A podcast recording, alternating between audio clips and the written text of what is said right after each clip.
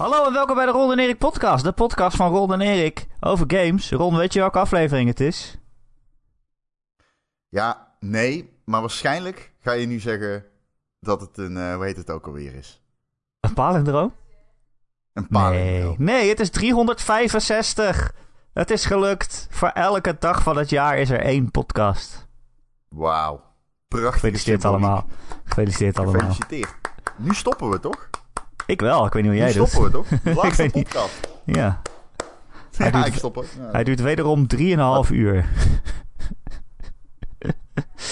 Ehm, Ja, we hadden het er net over. Ik heb hem, eh, ik heb hem al teruggeluisterd nog even. Ik heb toch Ja. niks te doen. Ik heb vakantie. Ik heb een geweldige vakantie overigens. Ehm, maar ja, ik kwam er slecht uit. ja, jij was echt de Erik dit jaar. Ja. ja. Ik heb normaal altijd het gevoel dat ik van alles op moet geven, omdat ik de enige ben die, eh, die onzin speelt. Maar eh, dit keer, eh, ik weet niet. Het was rond. Hoe kan dat nou? Ik speel alles. Hoe kan ik dat verloren hebben? Ik weet het niet, Ron. Ik denk op basis van uh, steekhoudende argumenten. Ja, zoals En daar, deze game moet in de top. Zoals deze game moet in de top 10 of anders. ja, dat is, nou, het klopt wel. Dat- Maar jij zei eerst, dat vond ja, ik een heel goed wel. argument. Het is wel gelukt.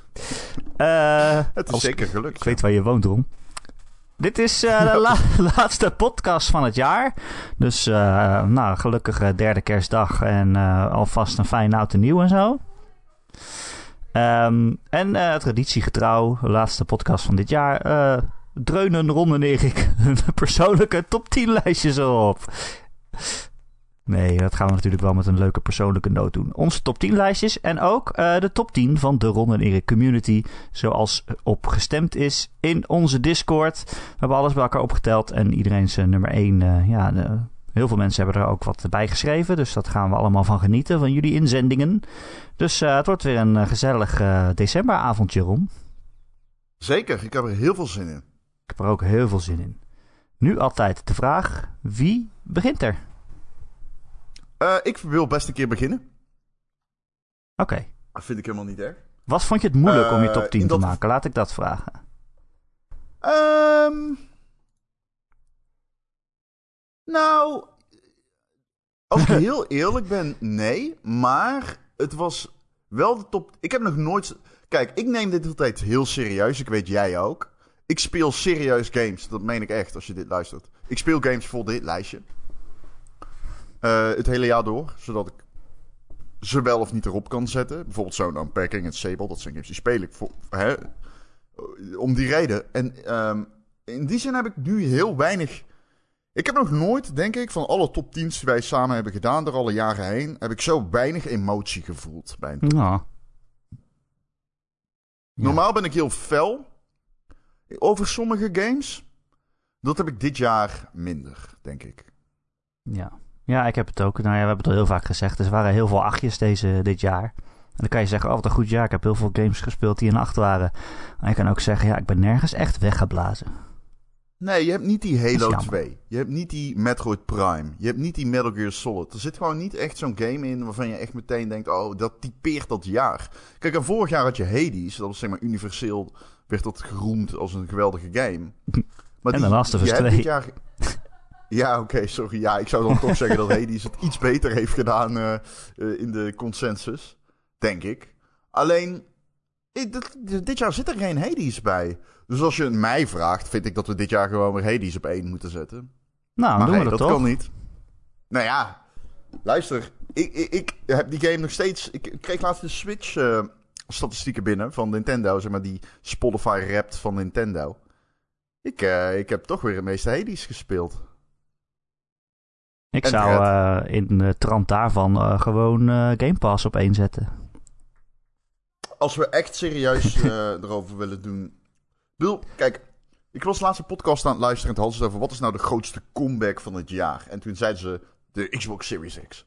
Maar toen dacht ik, ja, eigenlijk niet. Eigenlijk is het niet echt een comeback. Het heeft meer eindelijk zijn potentie ingelost, vind ik. En dat geldt eigenlijk ook een beetje voor Game Pass. Ik, ik zou hem, ik- ja, je kunt hem op één zetten. Game Pass had een geweldig jaar. Maar ik denk dat Game Pass gewoon... Dit is gewoon wat je gaat krijgen met Game Pass. Zeker de eerste paar jaren. Als, als ze het aan de man moeten brengen natuurlijk.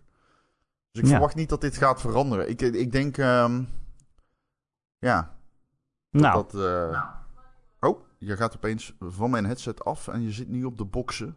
ja, ik, eh, dat vind ik altijd lekker zitten. Als je de bas heel hard zet, dan, eh, dan trill ik lekker over het bureau heen. Ja, dat, dat eh, zal niet de eerste keer zijn, dames en heren. Dat ik over jouw bureau heen tril. Nee, dat Laten we maar ik weet niet, beginnen, heb jij moeite gehad dus met het Ja, lijstje, Erik? nou, nog? Heb jij Kijk, moeite gehad met je eh, mijn lijstje is in twee helften te verdelen. De bovenste helft met alle games waarvan ik dacht, ja, die moeten er sowieso in. En de onderste helft met games waarvan ik dacht, ja, hier kunnen ook vijf andere games staan. En dan klopt het ook. Dus eh, Ja. dat was eigenlijk het moeilijke. Ja. Maar ja, wat je zegt, eh, ik denk dat ik mijn bovenste... Als, de, als mijn bovenste vier games van vorig jaar waren uitgekomen dit jaar... dan waren dat nog steeds de bovenste vier games geweest, zeg maar. als je begrijpt wat ik bedoel. Er zit niks tussen wat ik beter Ja. vind dan iets van vorig Ik jaar. begrijp wat je bedoelt. Mooi. Ik, Oké. ik, ik denk wel dat voor de gemiddelde luisteraar, die mij het hele jaar lang volgt, er wat verrassingen tussen zitten. Maar dat Oeh, weet ik niet zeker. verrassingen. Oké, Ron. Laten we beginnen bij jouw nummer 10, 10, 10, 10, 10, 10, 10. Oh, leuk, we doen dit weer.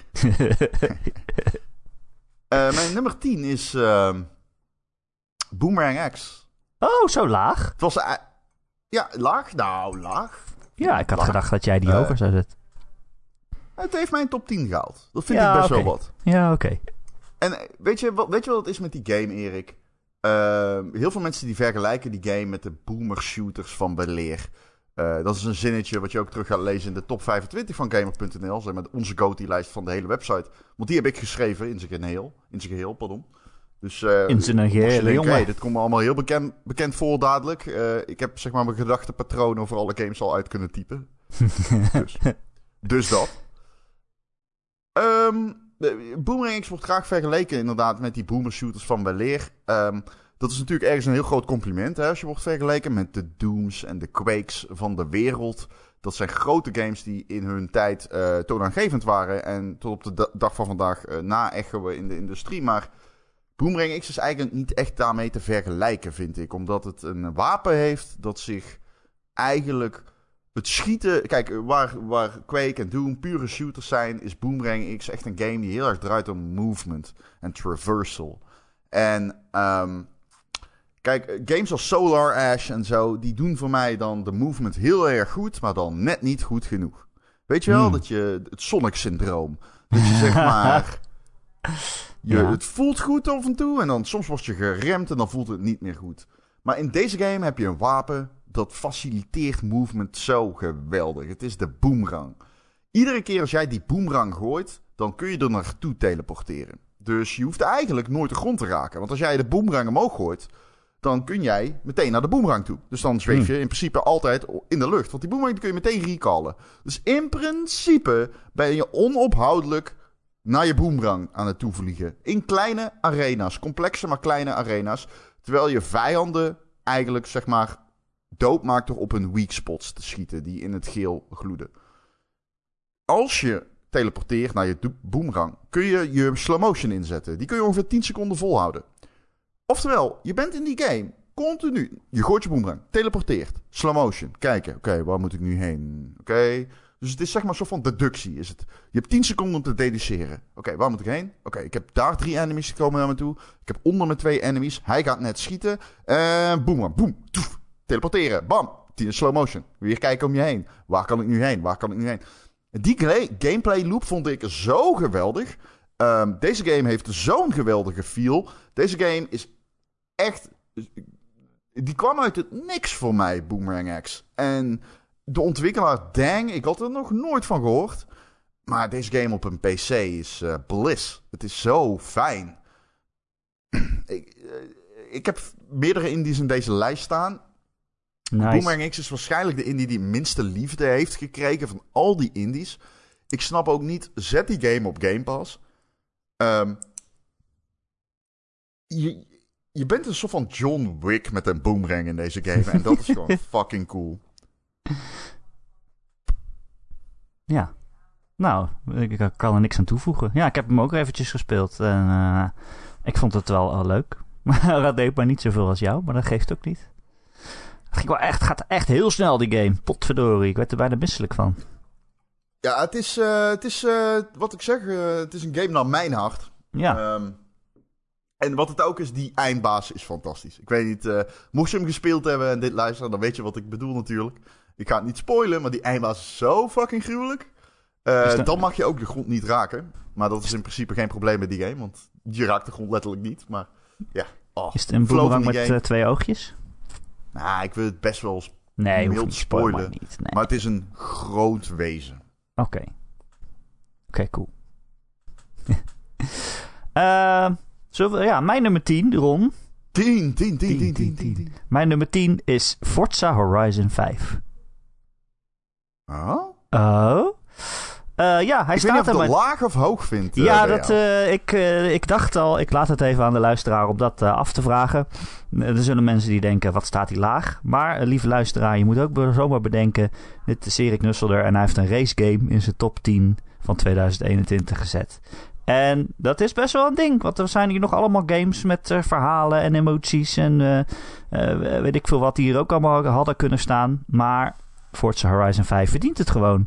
Want ik heb me echt eh, de ballen uit mijn broek vermaakt met een beetje rondrijden en eh, schansen en racen en eh, naar al die motoren luisteren van al die auto's en ja, zelfs gaan bedenken van ah, welke auto is het best voor deze race. Dat is nou echt iets wat ik normaal nooit zou doen. Ik zou normaal gewoon op een knopje drukken en laat mij maar, laat mij maar lekker eh, racen en dan komt het wel goed. Maar al die auto's bekijken en verzamelen en een level, levels up willen. Ehm, en ook online racen met een vriend van mij. En ook eh, met Discord natuurlijk hebben we ook een eh, glorieuze sessie gehad. Onder leiding van eh, Joe McSpeed eh, van Burik. Eh, dat was ook geweldig. En ja, weet je. Ik, ja, misschien, het, het is misschien ook omdat ik toen net een OLED-tv had gekocht. En dacht, Jezus. Christus, wat is dit voor een mooie wereld. Van tevoren dacht ik dat Mexico, dat wordt misschien een beetje saai en eentonig. Maar nee, natuurlijk niet. Het heeft een jungle en eh, akkerlandschappen en een stad en eh, weet ik veel allemaal wat. Eh, het is gewoon een fantastische game. Zeker ook omdat ik al die metertjes uit kon zetten, hè Ron? Je weet wel waar ik zo'n hekel aan heb. Dat je de hele tijd in beeld krijgt wat voor vaardigheden en skill points je allemaal gehaald hebt. Heb ik allemaal uitgezet en gewoon een beetje dom rondracen. En het is eh, Forza. Het is eh, de beste Forza ooit. ik weet niet of dat iets, iets betekent als ik dat zeg. Maar eh, ik heb er enorm van genoten. En daarom verdient hij toch een plekje in de top 10. Al is het helemaal onderaan. Mooi gezegd. Ik gok dat we bij jou nog wel tegenkomen ergens. Ik eh, hou mijn kaken op elkaar. Ja, precies. alles. Je kaarten tegen de borst. Oké. Ja. Nou, dan zijn we, we gaan er eh, op deze manier eh Ja, wel het moet ook niet... aantreffen nog. Die we allebei hebben, denk ik. ja, oh Dat vast. maar gewoon eerlijk Oh vast. Oh vast. Nummer Ja, dan, 9, 9, 9, 9, 9. nummer 999. Dit is denk ik een verrassing. Oh. Maar het is Guardians of the Galaxy. Mm. Ron, Ron, Ja. Ron. Weet je wat mijn Ja. nummer 9 is? Nee. Guardians Ja, of the wel. Galaxy! je, je slikte je al bijna je thee. Woe! Ja, dat is inderdaad een verrassing. Nou, dan hebben wij wetenschappelijk vastgesteld dat de Ehm. nummer 9 de juiste plek is voor Guardians. Ja, ik denk na die eerste trailer dat heel veel mensen dachten: oh, dit is gewoon die Avengers. Dus waarom zou ik rekening moeten houden met een goede game als dit gewoon die Avengers is? Want eh de Avengers was natuurlijk de game die Square Enix eh, maanden daarvoor uitbracht. Eh voldeed, voldeed niet aan de, aan de eisen.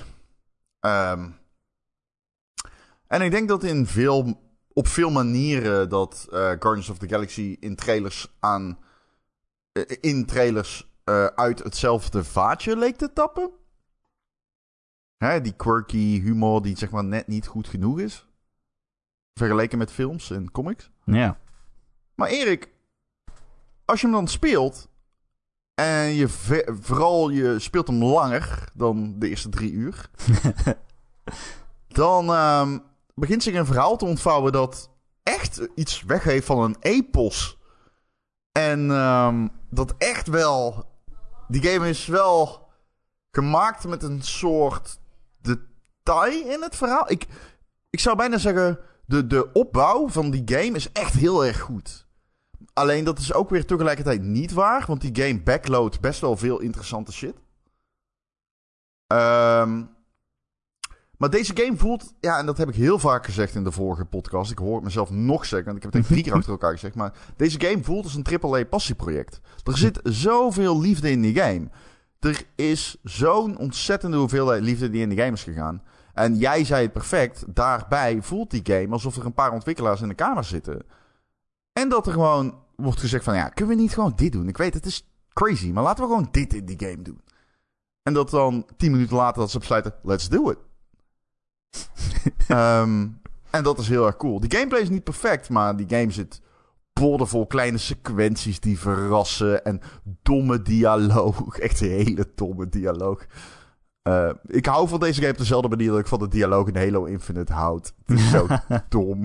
Het is zo dom. En je weet dat de makers, die weten ook dat het dom is. Zeg maar, de mensen die Master Chief hebben geschreven, die weten dat dit gewoon dom is. En dat weten ook de mensen die deze game hebben gemaakt. En dat vind ik cool. Ja, ik heb precies hetzelfde. Ja, ik heb hem ook op 9 gezet. Uh, inderdaad, uh, wat jij zegt, er zitten zoveel... Uh, ook gewoon echt domme momenten tussen. En er zit zelfs één zo'n heel erg dom moment tussen. En dan neemt die game daarna even een pauze. Zodat je kan verwerken hoe dom het was. Mag ik vragen? zo fantastisch. over, oh, ja, oh ja, misschien moet dit is een moment om aan te kaarten. Spoilers proberen we te vermijden, maar Zeker. niet altijd. Niet uh, altijd. We anders zullen we het zeggen net... dat je kan skippen. Ja. Ik zal dit ja, moment... dan, zal ik het spoilen wat ik bedoel? Ja, het is, geen grote, het is geen grote verhaalspoiler of zo. Het is gewoon een dom moment. Is het de uh, lama? Nee, nee, nee. Het is een moment... Uh, Peter Quill, oh. die heeft natuurlijk altijd zijn... Uh, zijn cassette recorder bij zich. Op een gegeven moment is hij, die, is hij die kwijt. En iemand die heeft hem gevonden en die gaat hem aan hem brengen. Die gooit hem naar hem toe. Dat ding vliegt in slow motion door de lucht heen. Peter Quill die springt omhoog met zijn arm uitgestrekt naar boven in slow motion. Hij vangt hem. Op de achtergrond vliegt een draak. Die spuwt vuur. Het is even zo vriesvreemd dat je zo, eh, hem zo in de lucht ziet met zijn hand omhoog. Zijn Walkman in zijn hand en een vuurspuwende draak op de achtergrond. En dan landt hij weer en dan is het even stil. En dan vraagt Gamora aan hem, wat is er? En dan zegt hij, dat was, dat was zo metal. ik lag echt te lachen. Het is zo dom. Ze hebben dat alleen maar gemaakt zodat ze een mooi plaatje konden doen. En uh, dat vond ik fantastisch. maar goed. En het, uh, heb, je hem helemaal, heb je hem helemaal nee, uitgespeeld bijna. ook, Ron? Bijna. Het bijna, einde is bijna. ook echt dat je denkt... Oh, they went there. Dat is fantastisch. Maar goed, speel hem even uit, please. Misschien Ja, ja, hij dan nog een plekje in je lijst. Ja, nou, tot nu toe... Uh, die minigame met die lama is... What? Oh, dat heb ik overgeslagen volgens mij. Dat is fucking crazy, dude. Dat is zo crazy dat ze dat erin hebben gestopt. Maar oké, okay, los daarvan. Mijn Ja, favoriete spoilers moment voorbij. in die... Oh, nee, nee oké. Ja, vertel. Wat wil je zeggen? Spoilers Ik voorbij? wou zeggen nee, spoilers ik wil, voorbij. Ook, ik wil ook nog één spoiler delen, maar dat is echt een hele milde spoiler. Eigenlijk nauwelijks. Ja, precies. Ehm, er is een moment, dit, dit vind, ik, vind ik zeg maar silly. Dat je hebt iemand in je team en dat is gewoon, die is heel dom. Dat, ik kan het niet anders zeggen. Die is dom als in, die snapt, die neemt alles letterlijk. Drax. En er is een moment dat je, dan sta je bij een soort van pit. Dat is gewoon allemaal in-game. Sta je bij een pit met rode vloeistof. En dan zegt eh, Rocket, die eh, kleine rat, die zegt van ja jongens, we kunnen hier niet doorheen, eh, want dit is eh, exhaust, eh, dit is zeg maar vloeistof, rocketvloeistof of zo, hoe noem je dat, benzine of zo. Hij zegt eigenlijk van als je hierin stapt, dan ga je meteen dood. En zeg maar, dat is zeg maar zo'n videogame moment waarbij je al meteen om je heen gaat kijken. Van oké, ja, dus waar moet ik dan door? Dus dan, je hebt zo'n scanknop en dan druk je op die scanknop. Zo van, oh, er zal hier vast wel ergens een vent of een duct zijn waardoor ik, eh, waar ik doorheen moet kruipen, bla bla. En zeg maar, vijf seconden later springt opeens dan Drax gewoon in die vloeistof. en dan begint hij gewoon te lopen. En dan denk je, oh, oké. Ja, dat, dat doen we toch. Blijkbaar eh, kan het geen kwaad. Dus ze komen er ook niet op terug of zo. En dat zijn wel van die dingen. Ik vind die game, die speelt heel erg met je verwachtingen. En dat vind ik best wel cool. Ja. ja, het is echt heel cool. Ja. En die soundtrack vind ik ook heel leuk. Ja, ik, tijdens de vorige podcast was ik geloof ik de enige. Maar ik vind het heel leuk dat je een eindbaas vecht en dat je dan die special ability doet en dat dan ineens Tainted Love opkomt. En dat je met, die, zeker. met die jaren tachtig eh, knallers eh, gewoon aan het vechten bent. Oh, dit, het is de beste fantastisch. soundtrack in jaren, denk ik. Want ik houd ook van... Bijvoorbeeld White Wedding zit erin. Dat vind ik zo'n vet nummer. Ja. Pet Benatar. Nou ja, wel dat soort eh, nonsens. Ja, Ja, leuk. Zeker, nee. En die band, inderdaad, die, wat Michel zei, dat je... Die, die Star-Lord band, die is ook daadwerkelijk gewoon leuk. Dat is echt... Die game zit vol Ja. met shit waarvan je denkt... Oh, dat kun je skippen, dat hoef je nooit te zien. Maar het zit er wel in en het zit er met zoveel liefde in. En ik... Erik, hoeveel, hoeveel podcasts heb ik op deze game gescheten? Ik denk een stuk of Ja. vier. Van tevoren, het, het zag er ook niet leuk uit en die trailer vond ik ook niet grappig. Dat- Allemaal van die hele voor de hand liggende humor vond ik het dat in die trailer zat. Maar eh, nee, de echte game is, is- Ze blijven maar kletsen ook. Eh, tussen Oh, missies door zit je op dat eh, ruimteschip. eh, en soms ben je gewoon klaar om naar de volgende missie te gaan. Maar ze blijven maar doorkletsen. Dan denk ik, nou, ik blijf hier maar even staan. Tot ze uitgepraat zijn. Ik vind het wel leuk. Deze onophoudelijke stroom aan dialoog zie je zelden in games. Ja, Ze echt- stoppen niet met praten gewoon. Ja, heel cool. Echt knap. Oké. Ik denk dat we door kunnen, toch? Nou, de nummer 8. Ja, dat moet jij weer. Nummer 8, 8, Oh, dan mag 8, ik 8, weer. 8, 8, 8, Ach, 8, ja. 8, 8. Ik hou zoveel van deze game. Dat ik hem Wat was het? bijna op... Oh. Ik zou, bijna, ik zou hem bijna nu nog hoger zetten. Maar Kan Nu ik kan ga het doen ook. Fuck it. Ik ga het gewoon doen. Oei. Ik ga het gewoon doen. Op nummer 8. Deathloop. Oh, ja. En daarmee maak ik een eh, last minute eh, verandering in mijn lijstje. Deathloop is... eh, ik ben een beetje... ehm, ik, ik, ik hink op twee gedachten met die game. Ik ben overwegend super positief. Maar ik wil wel zeggen... Ik vind dat Deathloop eh, te lang doorgaat. En dat was voor mij bijna reden om te zeggen... Ik ga hem niet uitspelen omdat ik op een gegeven moment zo, zo genoeg had van de loop. Dat ik echt de laatste paar maps met veel tegenzin gedaan heb. Ik moet ook zeggen, deze mening, ik weet dat jij die deelt. Maar online zijn er heel veel mensen die zeiden: ik, had, ik vind het jammer dat het afgelopen is. Dus ik ga hem opnieuw uitspelen. Poeh. Ja, dat, dat had ik ook. Maar ik, ben er ook, ik vind ook, dat moet je respecteren. Dus eh, dit is een pers- persoonlijk ding. Dit is niet iets dat ik in een recensie Ja. zou zetten, denk ik. Het is ook een persoonlijke lijst. Zeker. Daarom staat hij ook last minute iets lager. Ehm, d-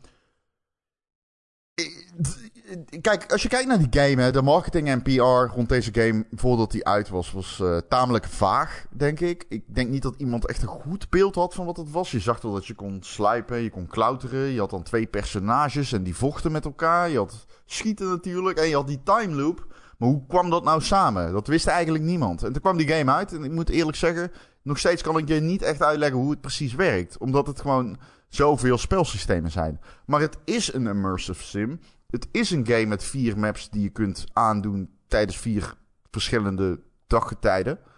En ehm, kijk, ze vullen dat dan nog aan met die invasions die je kent van Dark Souls. Dat is waar die twee personages die tegen elkaar vechten vandaan komen.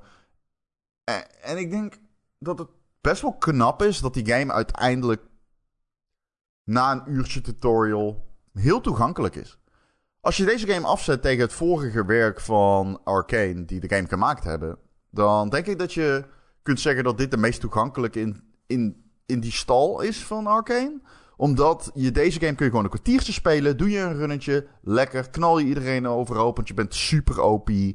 En eh, je rent naar de uitgang.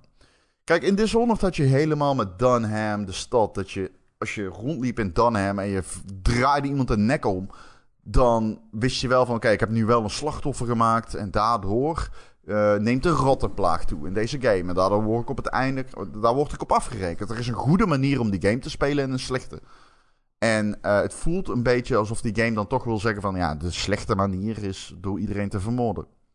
Ik bedoel, die optie heb je. Het is een immersive sim.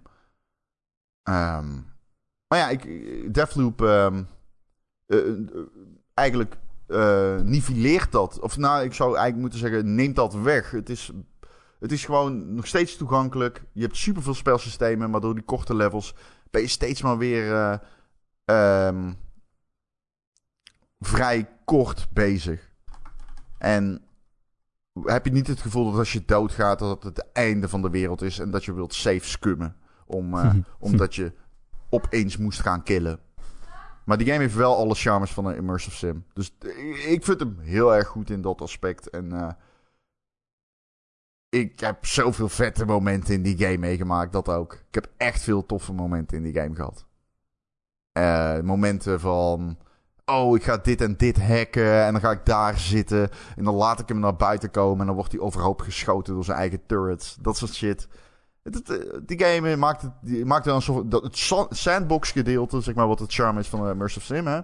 Dat doet deze game heel goed, denk ik. En ik raad iedereen aan om hem. Uh, voor een laag prijsje te kopen. En ik zeg laag prijsje omdat ik denk dat deze game slecht verkocht heeft en daarom snel in de sales komt. Hij was al snel uh, voor 35 euro te koop. Dus, uh, ah, oké. Nou, dan dat, dat zegt genoeg. Ja, en ik vind hem ook heel, echt heel stijlvol. Ik bedoel, al die dingen die jij zegt had ik ook. Van dat, hij, dat je zoveel verschillende manieren hebt om mensen dood te maken. Maar ik vond die stijl ook gewoon best wel heel cool. Weet je, dat... ja, wat, ja, hoe noem je dat eigenlijk? Dat is jaren 80 Jaren 80-achtige... Beetje dat groovy, baby. Met je Austin Power stijl heeft hij. Ja. Maar, uh, maar dan serieus, ja, niet... Maar dan serieus gebracht, ja. Niet op een manier dat je denkt, oh, oké, okay, dat is funny, man. Ja. Ook die, ja. die, die uh, als je naar de uitgang bent, dat, die riff. Ja. Dat het heeft sowieso ook coole muziek. Ja, zeker. Maar staat niet in mijn lijst, zeg ik vast. Oké. Okay. mijn nummer 8 is namelijk Unpacking. Die hoort gewoon mm. in de top 10. Uh, we hebben het al best wel veel. Best wel, best wel veel over gehad. En uh, ik weet ook niet zo goed meer wat ik er nou verder over moet vertellen. Iedereen die deze podcast luistert weet het inmiddels wel. Maar het uitpakken van dozen, dat dat toch zo'n mooi verhaaltje vertelt, dat vind ik wel echt heel bijzonder. En dat vind, ik vind dat dat gevierd moet worden. Zo'n unieke ja. concept, zo'n unieke indie game. Uh, niet per se dat je zegt, oh, iedereen die iets unieks doet moet gevierd worden. Maar dit is zo knap gedaan en zo uh, doeltreffend, zo efficiënt. Want ik dacht ook in het begin, ah, oké, nou, ik zit hier een doos uit te pakken. Ik vond het meteen al wel leuk, maar ik dacht niet van, nou, dit is nou zo heel bijzonder. Ik vond het wel zen, zo van, oké, je richt je kamer in zoals je dat wil. Je hebt hier een doos vol spullen en dan komt een boek uit. Nou, die zet ik in de kast. Er komt de knuffel uit. Nou, die zet ik op mijn bed of uh, op het nachtkastje. Um, maar ja, het is toch bijzonder gedurende dat ik dat spel aan het spelen ben, dat die spullen ook echt iets gaan betekenen. Want eh, de vrouw, uh, de hoofdpersoon van het verhaal, verhaal tussen aanhalingstekens, die verhuist een aantal keren in haar leven. En elke keer pak je die dozen uit. En ik zat toch te denken, wat zou ze nou mee hebben genomen en wat zie ik niet meer terug? Echt, in, gedurende de hele leven kwam bijvoorbeeld één bepaalde knuffel steeds terug. En die zette ik dan steeds prominent neer. Uh, ze had allemaal Dungeons and Dragons uh, spulletjes. Nou, die zette ik dan op het nachtkastje. Uh, ze had ook wat andere hobby's waarvan ik dacht, nou, daar heb ik niet zoveel mee. Dus dat gooide ik ergens in de kast en deed ik de deur dicht en daar keek ik niet meer naar. En het bijzondere is nou dat als iemand anders die game speelt, dan denkt hij misschien, oh, al die Dungeons and Dragons spullen, die, die leg ik, weet ik veel, in, in, ergens in, op zolder. en ik zet die knuffels prominent in de woonkamer of zo, weet je wel. Het, het, het is maar hoe je het invult. Um, en daarnaast dat het toch een verhaal weet te vertellen. Dat vond ik zo bijzonder. En vooral dat, ja. Volgens mij ergens in de derde of vierde level... gaat ze samenwonen met iemand. En ik kreeg echt een ontzettende hekel aan die gast. Wat een lul is dat. Ik stond echt te schelden naar mijn, naar mijn game. Ik was er bijna mee gestopt toen ik er gewoon boos van werd. En toen dacht ik, maar wacht even... En we hebben het hier over personages die ik nog nooit gezien heb, nog nooit ontmoet, geen woord meer gesproken. Het enige wat ik zie is hoe hij zijn huis heeft ingericht. Daar word ik al woedend van. En uh, ze gaan samenwonen en er is geen plek voor haar. Ze kan haar spullen niet kwijt. En uh, nou ja, als we dan toch weer kleine spoilers mogen doen. Een kleine spoiler voor unpacking voor zover dat kan. Het laatste, ja, wat, je daar, het laatste wat je daar uit je doos haalt is uh, haar diploma ingelijst. want nou ja, zij is volgens mij iets van een artistiek iets. Ze heeft een artistieke school gedaan. Ja. haar diploma. En je denkt, Waar ga ik die ophangen in dit huis? Er hangen allemaal bandposters ingelijst, maar die mag je niet weghalen. Dus dan denk je al bij jezelf, wat een lul die gast. Hij wil niet eens zijn posters weghalen voor mijn diploma. Er is één plek in het huis waar dat past. Dat is boven de wc aan de muur. Maar uiteindelijk mag dat niet eens van het spel. Het heeft al bepaalde regels van waar je dingen wel en niet kan opruimen. De enige plek waar het past zodat je verder kan gaan met die game, is onder het bed. En dat is toch wel zo treurig. Dat... Het volgende level trekt ze weer in bij de ouders. Ik ben nog nooit zo blij geweest dat iemand terug bij de ouders ging wonen als in Unpacking. ik stond echt te juichen, zo van mooi zo, dump die gozer. Uh, ja, en dat ik dat gevoel heb in een game waarin je dus nooit iemand ontmoet en alleen de dozen uitpakt, ik vind dat heel knap. Ja, dus, ik kan je uh, natuurlijk niks tegen inbrengen, want ik ben het hier uh, mee eens. Ja, hoeft ook niet. Nee. nee. Het, ik wil wel zeggen, wat ik niet leuk vond aan Unpacking, was de loop. Het steeds maar weer tegenkomen van dozen die ik moest unpacken in kamers. En dat is, dat is het concept. ja, ik trok het gewoon niet. Maar ik was daar zo teleurgesteld in. Ik heb Unpacking zowel op de PC als op mijn Xbox gespeeld. Zo van, misschien kan ik het op mijn PC wel, houd ik het wel vol. Want iedereen weet, ik sta overal voor open. Letterlijk, ik sta overal voor open. Maar ik vond dit gewoon niet leuk. En um, achteraf is dat balen. Want ik, uh, ik had graag... Uh, ik heb de game wel uitgespeeld. Maar ik, ik, ik, ik, had hem graag uitgespeeld met een soort van liefde. Maar op een gegeven moment, ik was gewoon... Ik bedoel, ik heb Deathloop. We hebben het over Deathloop, dat ik hem te lang vond doorgaan. Dit is echt... Dit was gewoon agonizing voor mij op een gegeven moment. Um, ja, dat Het was misschien beter geweest als je die dozen ergens in een soort UI had gezien. Van oké, je hebt nu nog tien dozen om uit te pakken. En, uh, maar nu uh, ga je steeds naar een andere kamer. Daar liggen dan ook nog weer dozen. Dat je denkt, ja shit, hoeveel zijn er nog? Dat echt honderd. Ik weet niet of het beter wordt van een UI. Maar gewoon de complete teleurstelling van... Oh, ik ben nog niet klaar. Net als bij het echte verhuizen. Best knap Ik eigenlijk. haat echt verhuizen, Erik. Dat, ja, daarom. Dat en, dat en boekhouden. Uh, ja, allebei dingen waar ik mensen voor inhuur inderdaad. ik, uh, ik, ja, verschrikkelijk. En uh, ja, goed, ik moet het toch kwijt. Um, maar, absoluut, 100% de liefde die in die game zit, begrijp ik. Ik zou mezelf ja. alleen niet, niet erin zetten. Ik, ik had nog een mooie zin die ik wilde delen. Dit zei ik in, in, in dit heb ik geschreven in de top 25. Dat is, unpacking is met geen andere game te vergelijken. Unpacking nee. is eerder een luie, regenachtige zondag of een warme kop chocomel voor de open haard. en ik denk dat dat Mooi. heel treffend is, want Mooi. volgens mij is die game vooral uh, mood, vibe, misschien een beetje emotie. Zen. Um, beetje inrichten. Ja, want je kunt deze game niet pitchen. Je kunt zeggen, je kunt deze game zo moeilijk pitchen als je op gameplay gaat, afgaat. Ja, je moet dozen uitpakken. Goede elevator pitch. Oh, ik heb leuk. een game waarbij je moet oh, verhuizen en dozen moet uitpakken. Ja, um, Alright. Jouw nummer 7777777. Even kijken, want ik heb natuurlijk wat uh, gewisseld. Dus ik ga even... Uh... Ja, gaat hij nog hoger, degene die je net omhoog hebt gezet? Ja, dat ben, dat ben ik nu aan het... Uh... Aan het besluiten. Kijken, nee. Nee, dat denk ik niet. Nee, dat... Huh? Wacht, nou snap ik er Wat gebeurt er? Wat gebeurt er? Oh, je hebt 11 uh, games in je top 10. Oeps. Nou, op dit moment snap ik. Misschien moet jij even eerst. Wacht, nee, twee seconden. Wat? Ik had op 10 had ik Boomerang X. Op 9 ja. had ik Guardians, toch? Ja, ik ook. En op 8 had jij Deathloop. Oh, oké. Okay. Ja, nee, dat snap ik. Nee, oké. Okay. Dan, uh, dan ben ik er. Want op 7... Dames en heren. Oh, ik ga even een lijstje goed zetten. Wat gebeurt er? Ja, zet even goed in mijn lijstje, want ik zeker te weten geen fouten maken. Ik ken mezelf. uh, op 7. 7, 7, 7, 7, 7, 7. Loop Hero. Ah. En dat is de game die ik naar boven heb gehaald. Ik wilde ah. dat deze game boven Deathloop stond. Deathloop ik, Hero. Uh, ja, ik, Loop Hero is gewoon echt mijn meest gespeelde game op de PC dit jaar. En dat komt grotendeels door de manier hoe die game allerlei spelsystemen verweeft tot zo'n verslavend geheel. En ik heb zo genoten van de verschillende spelsystemen in die game. En die game is vrij pittig. Alleen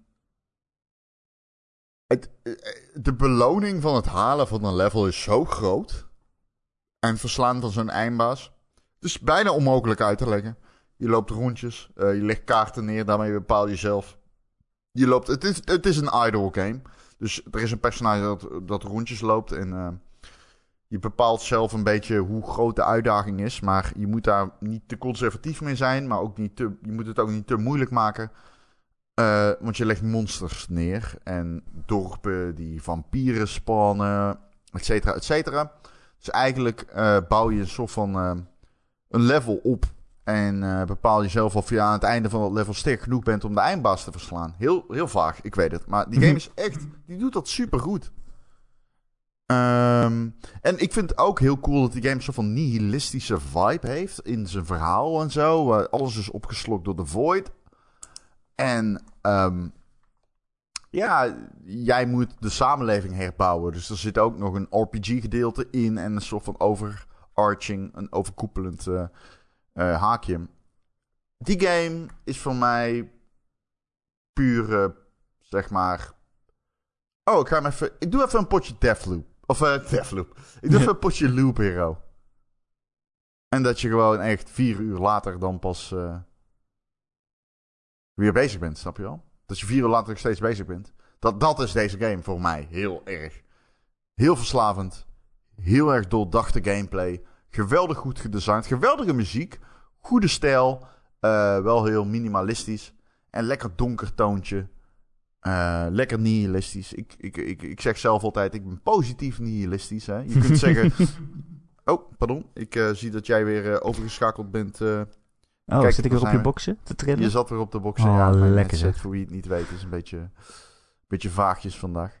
Maar ehm, ja, ik zeg altijd positief nihilistisch. Hè? Je kunt de wereld op twee manieren bekijken als je nihilist bent. Je kunt zeggen, de wereld is levenseindig en dat maakt allemaal niks uit. Dus eh, wat doe ik hier? Maar je kunt ook denken, het leven is eindig en dat maakt allemaal niks uit. Dus laten we er het beste van maken. En eh, ja, die game zweeft ergens tussenin. En dat vond ik super cool. Ja, ik vond Loop Hero ook echt heel erg cool. Het was echt ergens begin dit jaar of zo, toch? Het lijkt zo lang geleden. Ja, dat was, eh, dat was wel vroeg, ja. Ik weet niet helemaal. Ik denk februari, maar... Ja. Ik wou dat ik er plek voor had op de lijst, maar het is niet gelukt. Helaas. Nee, echt een hele coole indie. Ja. En eh, hij was la, eh, vorige week ook gratis eh, op Epic. Dus ik hoop dat heel veel mensen hem even opgepikt hebben om het te proberen. Ja, Want, Hij kwam in eh, maart uit. In maart. Maart. Het is echt zo'n game die je moet proberen om het te snappen. Je kan het bijna niet uitleggen. Hij loopt Nee, vanzelf en je, nee. moet dingen, je moet hem spullen geven en dingen eromheen bouwen. Ja, Nu we het erover kan- hebben, wil ik hem alweer spelen. Weet je? ja dat heb ik ook net- ja. Zo van, fuck, ja, Loop Hero, let's Zullen go. gewoon stoppen? Zullen we stoppen met podcasten? Noem even de rest van je top 10 op en dan, eh, dan sluiten we af. Ja, en die game is ook, je kan hem dus niet uitleggen. En je loopt de hele tijd tegen muren aan, ook in die game. Van, fuck, wat moet ik nu doen? Ik snap het niet. Wat is het algoritme hier? Wat is de RNG? Maar de enige manier om daar gevoel voor te kweken is door heel veel die game te spelen. En eh, zelfs als je ervaren bent in die game, ga je daar nog te mis mee in. Eh, er zijn zoveel manieren waarop iets slecht of goed kan gaan in die game. Ja, het is eh, zo moeilijk als het zeg maar doorgronden is, zo gemakkelijk is het aan te raden. Je moet die game echt spelen, serieus. Mijn nummer 7. En ik zit ook op het laatste moment nog dingen aan te passen. Eh, mijn nummer 7 is nu Metroid Dread. Ah!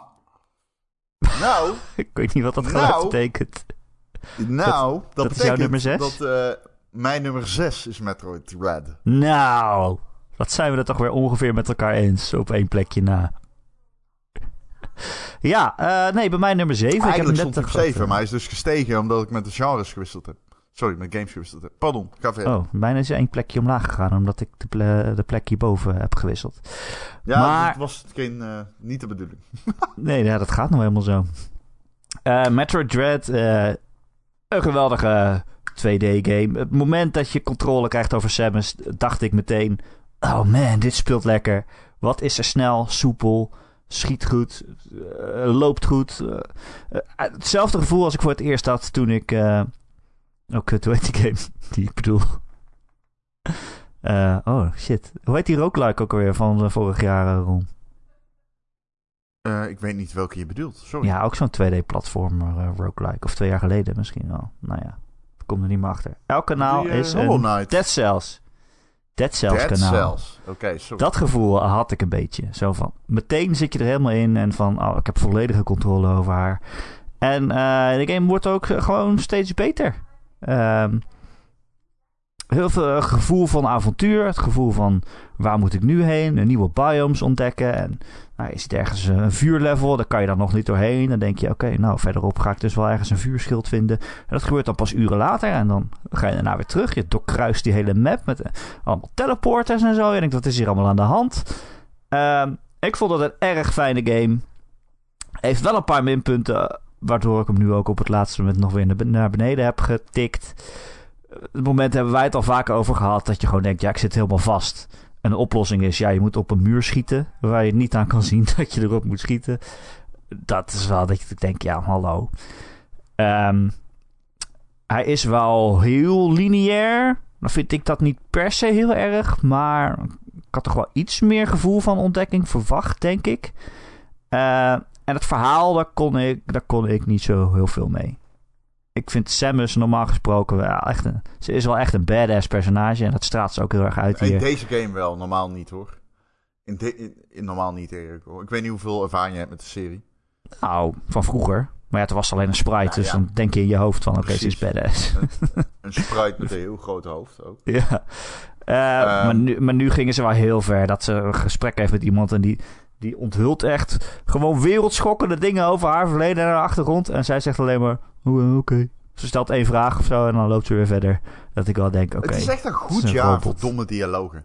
Ja, precies. Met Halo Infinite erbij ook. Het is echt een goed jaar voor dit soort shit. ja. Maar goed, uh, Metroid, het speelt fantastisch. Ja, dat is het eigenlijk gewoon. Dat is waarom die in mijn top 10 staat. Ik, speelt fantastisch. Ik ben het hier volledig mee eens. Uh, ik zou ik zou, ik zou nog willen zeggen, uh, eindbaasgevechten geweldig. Gevechten met de Emmys, die confrontaties zijn ook fantastisch. Oh ja, god, dat is echt uh, game, game is uh, gruesome af en toe. Ik bedoel, er zijn echt momenten dat je alleen maar verder kunt door gewoon op een blokje te schieten dat gewoon, ja, ergens zit. Het is heel dom. dus gewoon echt, de progressie van die game is afhankelijk van een blokje in een muur. Uh, dat is tamelijk hardcore, maar ook weer op een manier die ik heel erg waardeer. En typisch Metroid. Die game is inderdaad, ik weet dat dit al in het verleden meermaals is aangekaart, ook, op gamer.nl, maar die game is, ja, het is geen uh, Super Metroid. Niet in flow, niet in vrijheid, niet in, ik weet niet waar ik heen moet. Alsnog ben ik heel vaak verdwaald geweest. Ik wil er ook niet te raar over doen. Ik vind deze game fantastisch. En uh, ook bij mij, daarom staat hij bij mij op 6. Um, ehm, het is voor mij de beste Switch uh, game uh, van Nintendo zelf. Ook al, ook al is die eigenlijk Ooit? gemaakt natuurlijk in Spanje. Nee, nee, nee. In oh. Spanje. Sinds Zelda. Ja, nou, ik vond Mario je, wel beter. Als je tussen de lijntjes... Le precies. Als je tussen de lijntjes leest, dan, dan hoor je dat ik zeg dat ik inderdaad vind dat... Super Mario, of, uh, of ja, dat, ja, nee. Odyssey, uh, ik, ik geef mij maar Dread. Oh, oké, oké, oké. Uh, het is ook echt zo'n game waarvan ik denk, als je tegen mij zegt dat het Gigoti is, dan geloof ik het ook. Kan ik niks tegen inbrengen. Ja, zeker. Je hebt helemaal absoluut. gelijk. Dat is ook de, ja, nee, absoluut. En dat is ook de reden dat ik hem uh, zelf lager heb gezet. Van, hij is toch wel goed. Ik wil andere games aandacht geven.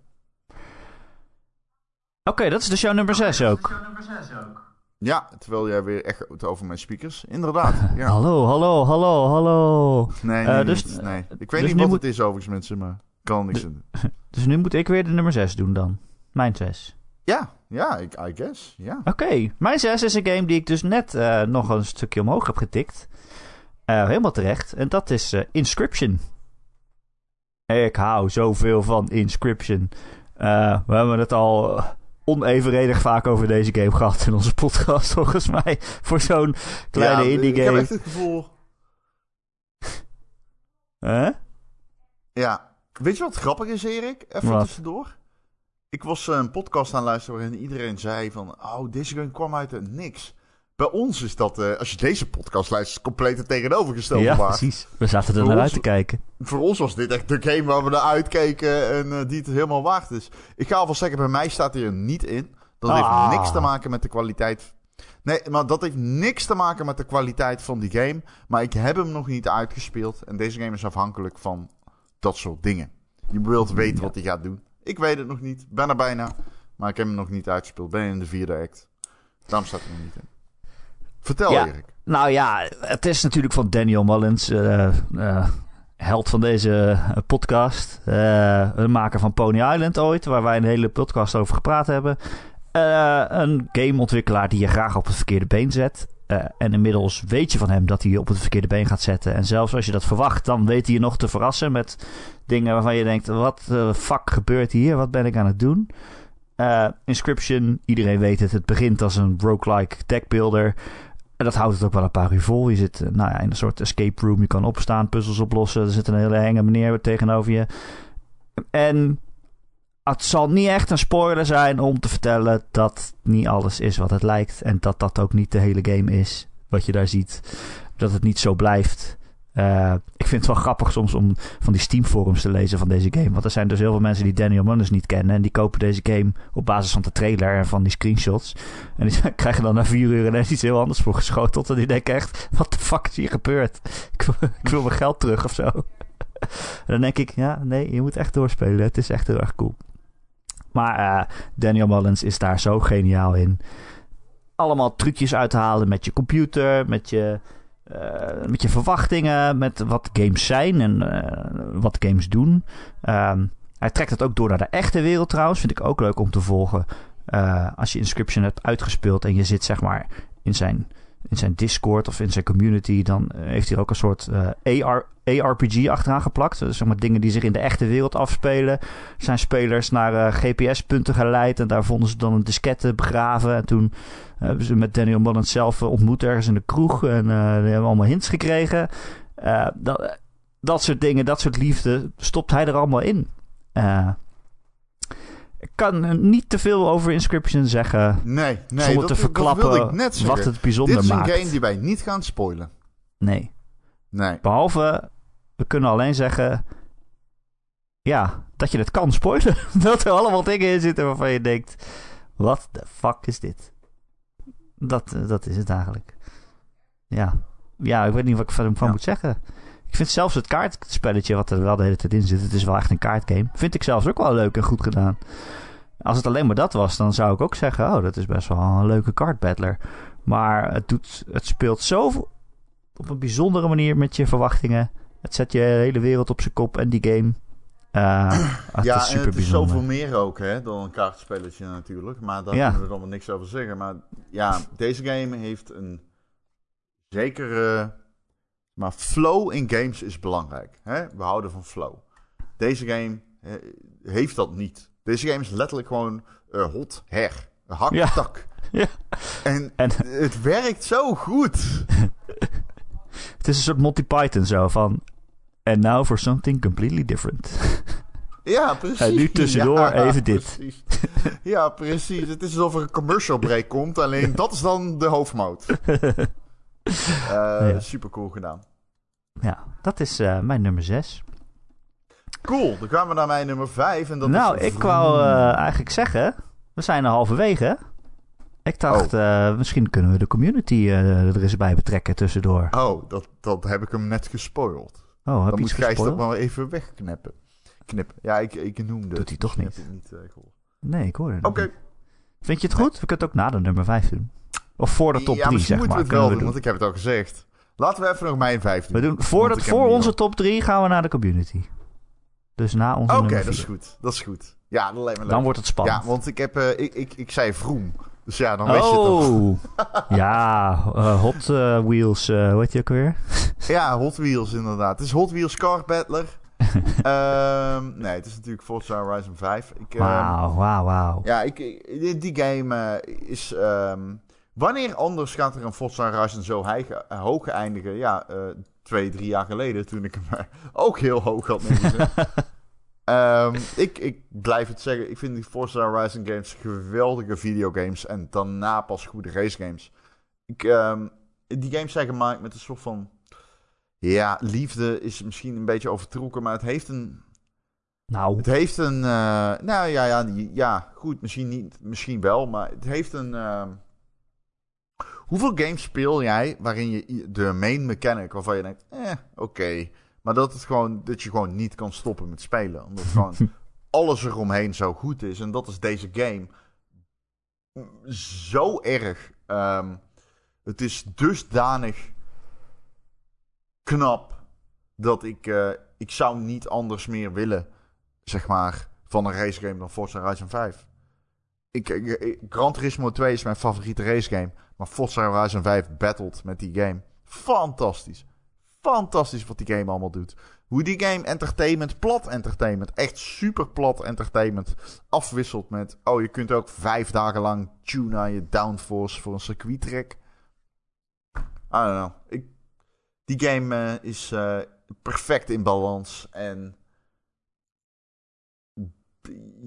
Zeg maar, als jij racegame liefhebber uh, bent...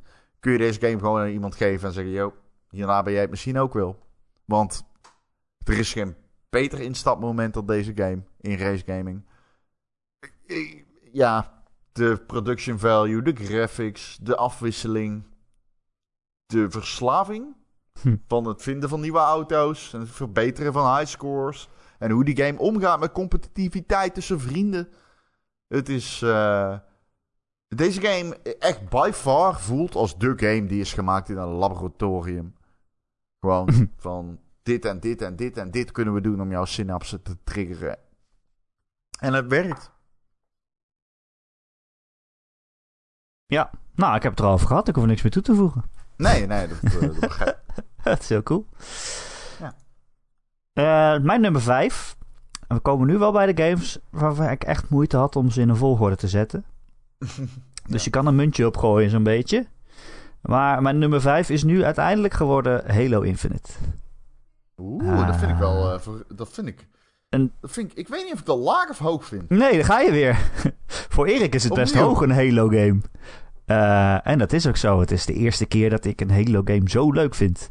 Uh, het is de eerste keer in jaren dat ik een multiplayer-game zo leuk vind. Sinds Overwatch heb ik niet meer zoveel multiplayer shooter gespeeld. Uh, en dit keer niet alleen met vrienden, maar ook gewoon... Ik ga in mijn eentje zitten lobbyen en ik ga rank zitten spelen. Ik ben goud 4 inmiddels trouwens. Mochten mensen het, oh, de, de, update missen. Ja, gaat goed hè?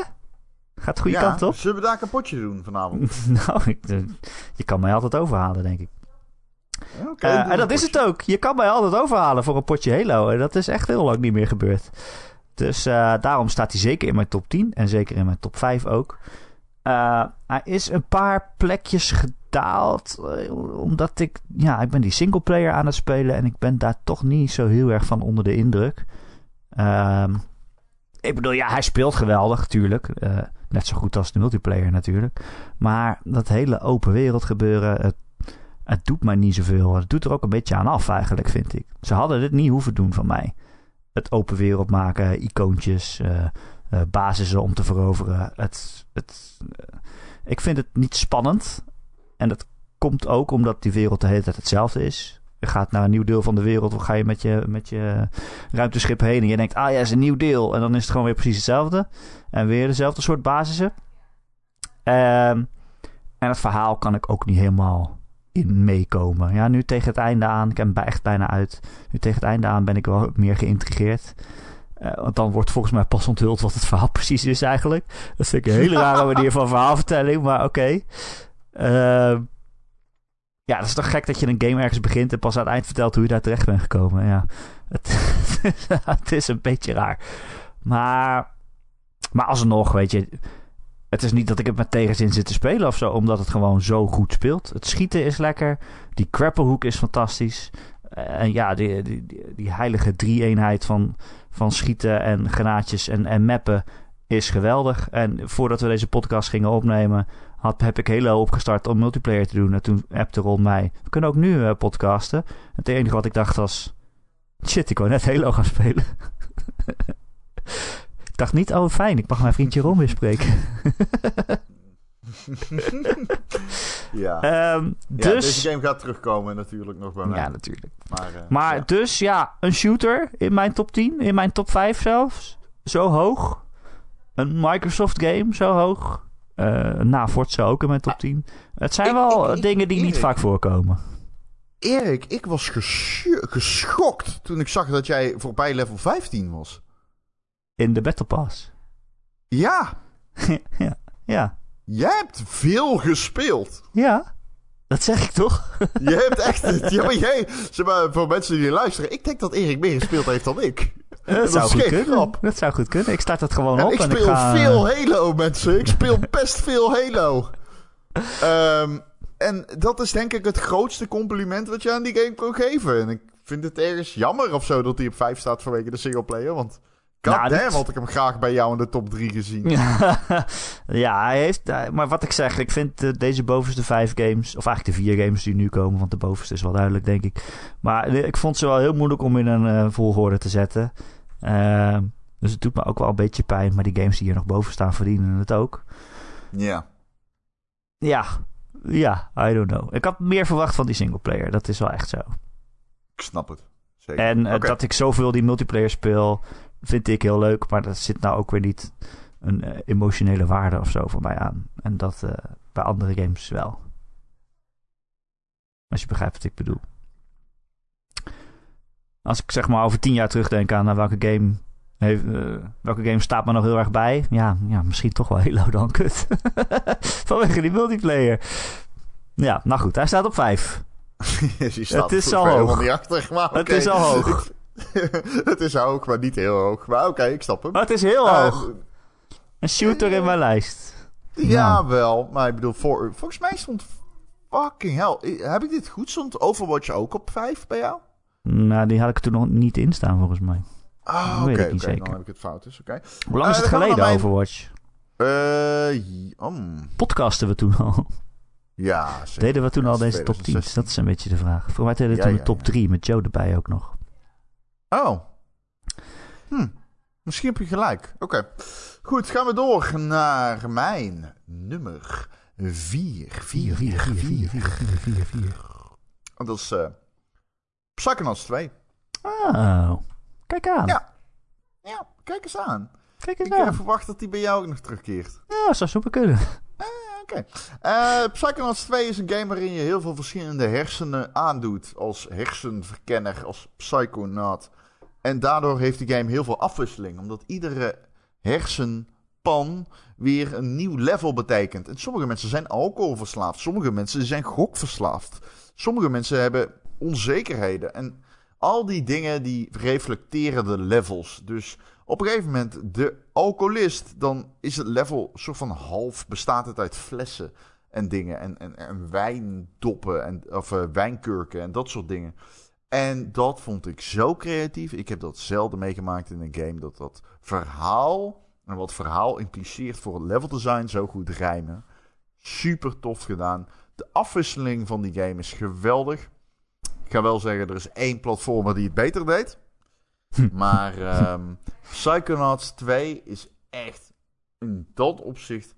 ehm, de, qua, qua afwisseling, en dan bedoel ik niet zozeer de gameplay, want die is vrij standaard, zelfs voor een ouderwetse platform. Maar de variatie in de level, levels is zo overtuigend. Ehm, steeds wisselen nieuwe thema's zich af. En het is eigenlijk nog het allerknapste dat het overkoepelende verhaal, dat soort van als paraplu fungeert, eh, of eh, kapstok, dat het ondertussen keurig verteld wordt. Dat je echt nog steeds iets meekrijgt dat die game wil zeggen. En dat je van de personages gaat houden. Er zitten echt mensen in die game die echt gewoon, die zijn zo quirky en heel goed geschreven. Eh, al zijn ze een beetje, ja, onderbelicht misschien eh, af en toe, maar het werkt. En het was een, ja, ik, deze game, ja, hoe bizar is het dat 20 jaar later een vervolg komt op een actieplatformer en dat hij gewoon precies verder gaat waar de vorige is geëindigd en dat het gewoon goed is. Dat is crazy. Dat is echt crazy. En ik, denk dat dit jaar een heel goed jaar was voor eh, actieplatformers.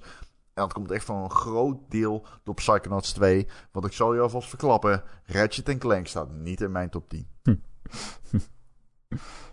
Nee? Nee. Nee, ik, eh, ik vind deze beter. Mooi, mooi. Eh, ja, nee, ik ga daar nog niks over zeggen inderdaad. Nee, dat klopt. Maar jij hebt Eh, wel nummer 4. Ik ben het wel Daarna je gaan we naar de top 3. Ja, dan gaan we eerst naar de community. Dat hebben we nou helemaal zo afgesproken. Ja. Mijn Nee, nummer bedoel ik, 4 dan- Ja, sorry, ik zeg het fout. Mijn nummer Dat bedoel 4 ik. is, eh, is It Takes Two. Uh, kwam natuurlijk als winnaar uit de bus uh, vorige podcast. Dus uh, ik weet ook niet precies meer hoe dat gebeurd is. Jij hebt het teruggeluisterd, zei je. Maar volgens mij hadden we een discussie over dat die misschien op nummer 4 moest. En toen was, stond hij ineens op 1. dus ik weet niet, Michel, ik weet niet wat er gebeurd is. Maar iedereen houdt van die game. En dat is ook meer dan terecht. Het is zo'n geweldig, leuk en gezellig spel. En je kan het met bijna iedereen spelen. Iedereen die wel eens een controller vast heeft gehouden want eh, ja, wat Thijs zei klopt. Je moet wel weten hoe je een camera bestuurt en een uh, poppetje bestuurt. Maar dat is ook ongeveer de enige kennis die je nodig hebt. Iedereen die wel eens een controller vast heeft gehouden, daar kan je It Takes Two mee spelen. En dan heb je gewoon gelijk plezier. Ik heb het met mijn vrouw gespeeld. Nou, die is wel een gamer natuurlijk. Dus het is niet uh, een soort van grote ontdekkingstocht of zo. Van, oh, ze speelt ook games. nee, dat vindt ze hartstikke leuk. En, maar de creativiteit van dit spel is ongelooflijk. Uh, het is helemaal, helemaal bedacht op co-op, op samenspelen, op teamwork, op maar ook op steeds verschillende spelmechanieken verzinnen van... oké, wat is nou leuk om samen te doen? Uh, bijvoorbeeld hè, in het begin krijgt de een een spijkerpistool... en die moet dan spijkers in de muur schieten... en dan kan de ander dan op springen. Uh, en zo moet je samenwerken. En elke keer denk je, oh, dit is wel creatief bedacht. En dan na een half uur heb je misschien wel een beetje gezien. Zo van, nou, deze puzzels ken ik nu wel.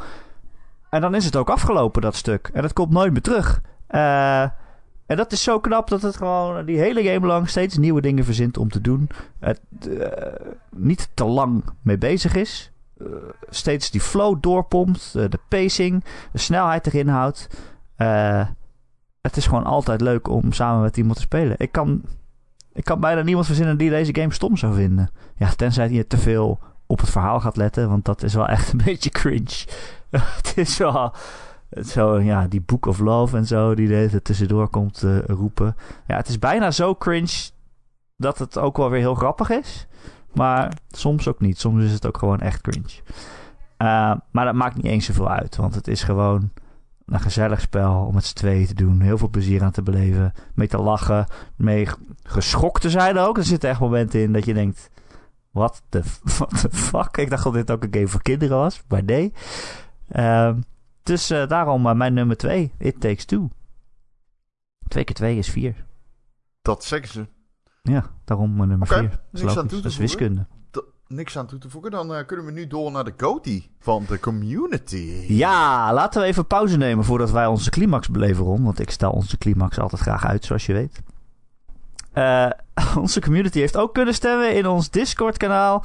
Ik, uh, Marky Mark heeft geholpen met al die punten optellen. Die heeft een hele Excel-sheet geschreven en allemaal formules toegepast. En iedereen heeft ook uh, ja, een klein zinnetje, een kleine toelichting mogen geven bij zijn goatee.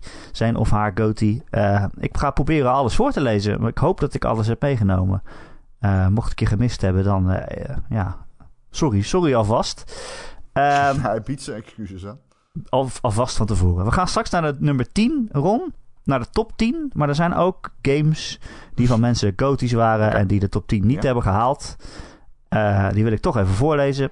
Uh, voor Robix was het bijvoorbeeld Mass Effect, uh, de remaster daarvan. hoe heet die ook alweer? De Legendary Edition of zo. Robix zegt dat het voor hem een volledig nieuwe ervaring was. En vandaar dus op nummer 1, ondanks dat het een remaster is. Fantastisch universum met keuzes die enorm impactvol voelden. Is ook zo. Als we echt mogen kiezen wat de beste game van het jaar was rond, dan was het Mass Effect 2. Hè? Laten we eerlijk zijn. Nou. nou. of Hades weer, die kwam ook weer uit. ik wou net zeggen. Uh, voor Blaad 81 was zijn coty Diablo 2 Resurrected. 20 jaar geleden bijna mijn studie verkloot door Diablo 2. En nu komt het monster Dan kunnen we elkaar de hand schudden. Beter dan ooit. Verslind mijn game Ik heb de game gekocht voor PC, PS4 en Switch, zodat ik altijd kan gamen, waar dan ook. Nou, heel goed. Voor Vonhozen was de GOTY Call of Duty Vanguard. Het is lang geleden dat ik zoveel plezier in een Call of Duty heb gehad. De Tweede Wereldoorlog, uh, daar waar het allemaal begon, is in mijn ogen toch de handschoen die Call of Duty het beste past. Is dat zo, Ron? Moet een Call of Duty Tweede Wereldoorlog zijn? Ik vind Call of Duty Vanguard een van de slechtste Call of Duty's in jaren. Oeps. Samen met... Uh die vorige. Dus. Sorry, Von Hozen. Uh, en ook Inscription heeft de top 10 niet gehaald. Ondanks dat het van twee mensen de go-to was. Namelijk van Petert. Die zegt kaartgames en horror zijn echt mijn ding. Vandaar Inscription op nummer 1. En natuurlijk Marky Mark zelf. eh, wat, Inscription is ook zijn goatee. Daniel Mullins is terug, zegt hij. Inscription heeft dezelfde creepy vibe als Pony Island. Eh, gameplay is ook nog eens leuk en geeft een verfrissende twist aan het kaartspelgenre. Inscription is de Pony Island van 2021 en daarom mijn goatee. Hmm. Ja, Hmm. love it. Eh, Mark heeft ook eh, dit Excel-sheet gemaakt, zoals ik zei. En hij heeft Inscription op de een of andere manier 40 extra punten gegeven, waardoor hij bovenaan staat. En dat maakt het heel lastig om nu de top 10 voor te lezen. Dus dit gaat sowieso fout. Dankjewel, Marky Mark. Eh, we gaan naar de top 10, Ron, van de community. En Ja. we beginnen eigenlijk met een gedeelde negende plaats. Oeh, Met drie ik ben games. heel benieuwd. Drie games die op 9 staan. Ah.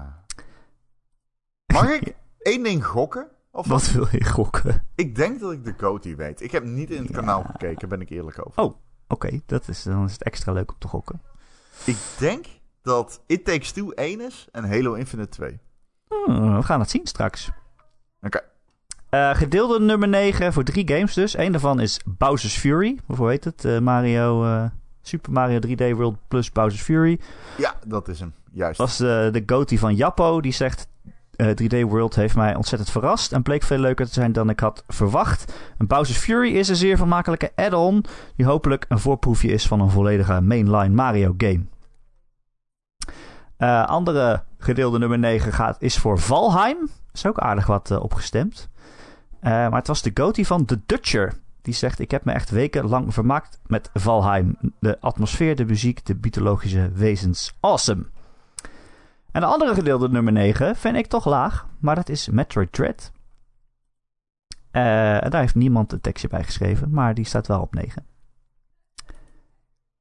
Even kijken. Gedeelde zevende plaats komen we dan bij voor twee games. Ron.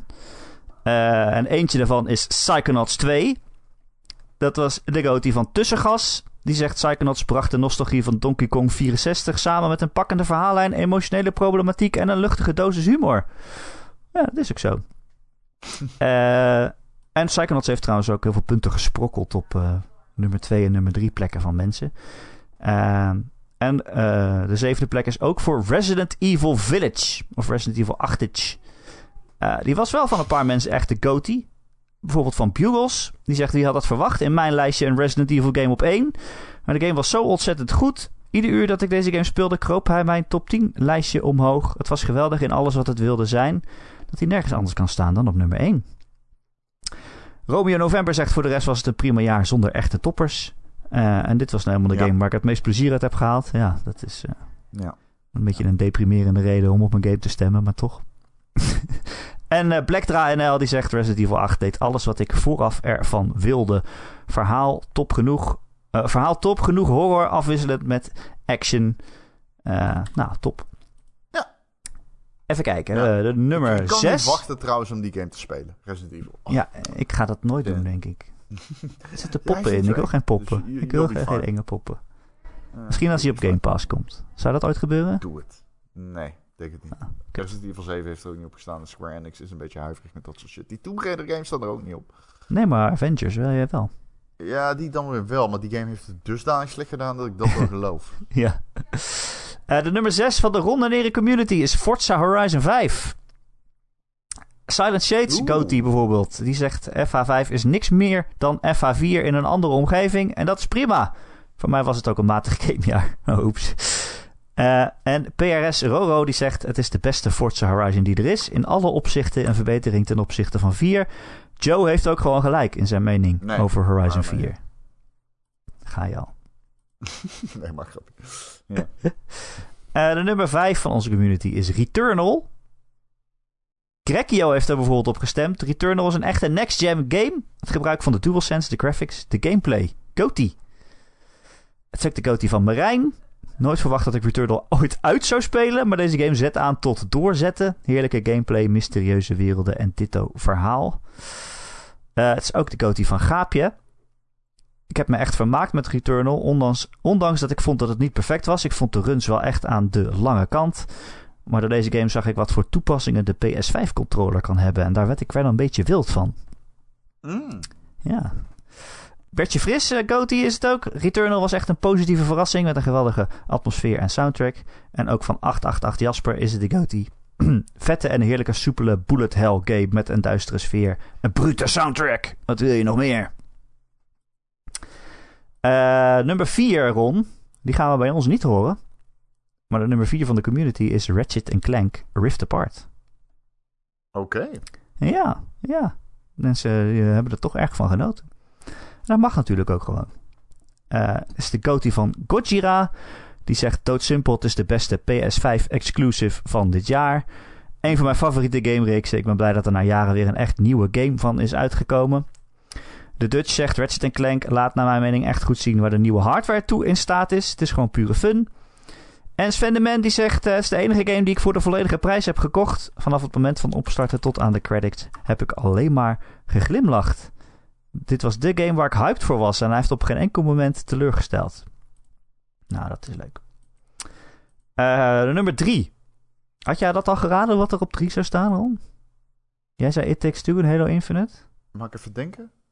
Wat is er nog over? Uh, Wauw. Metroid Dread.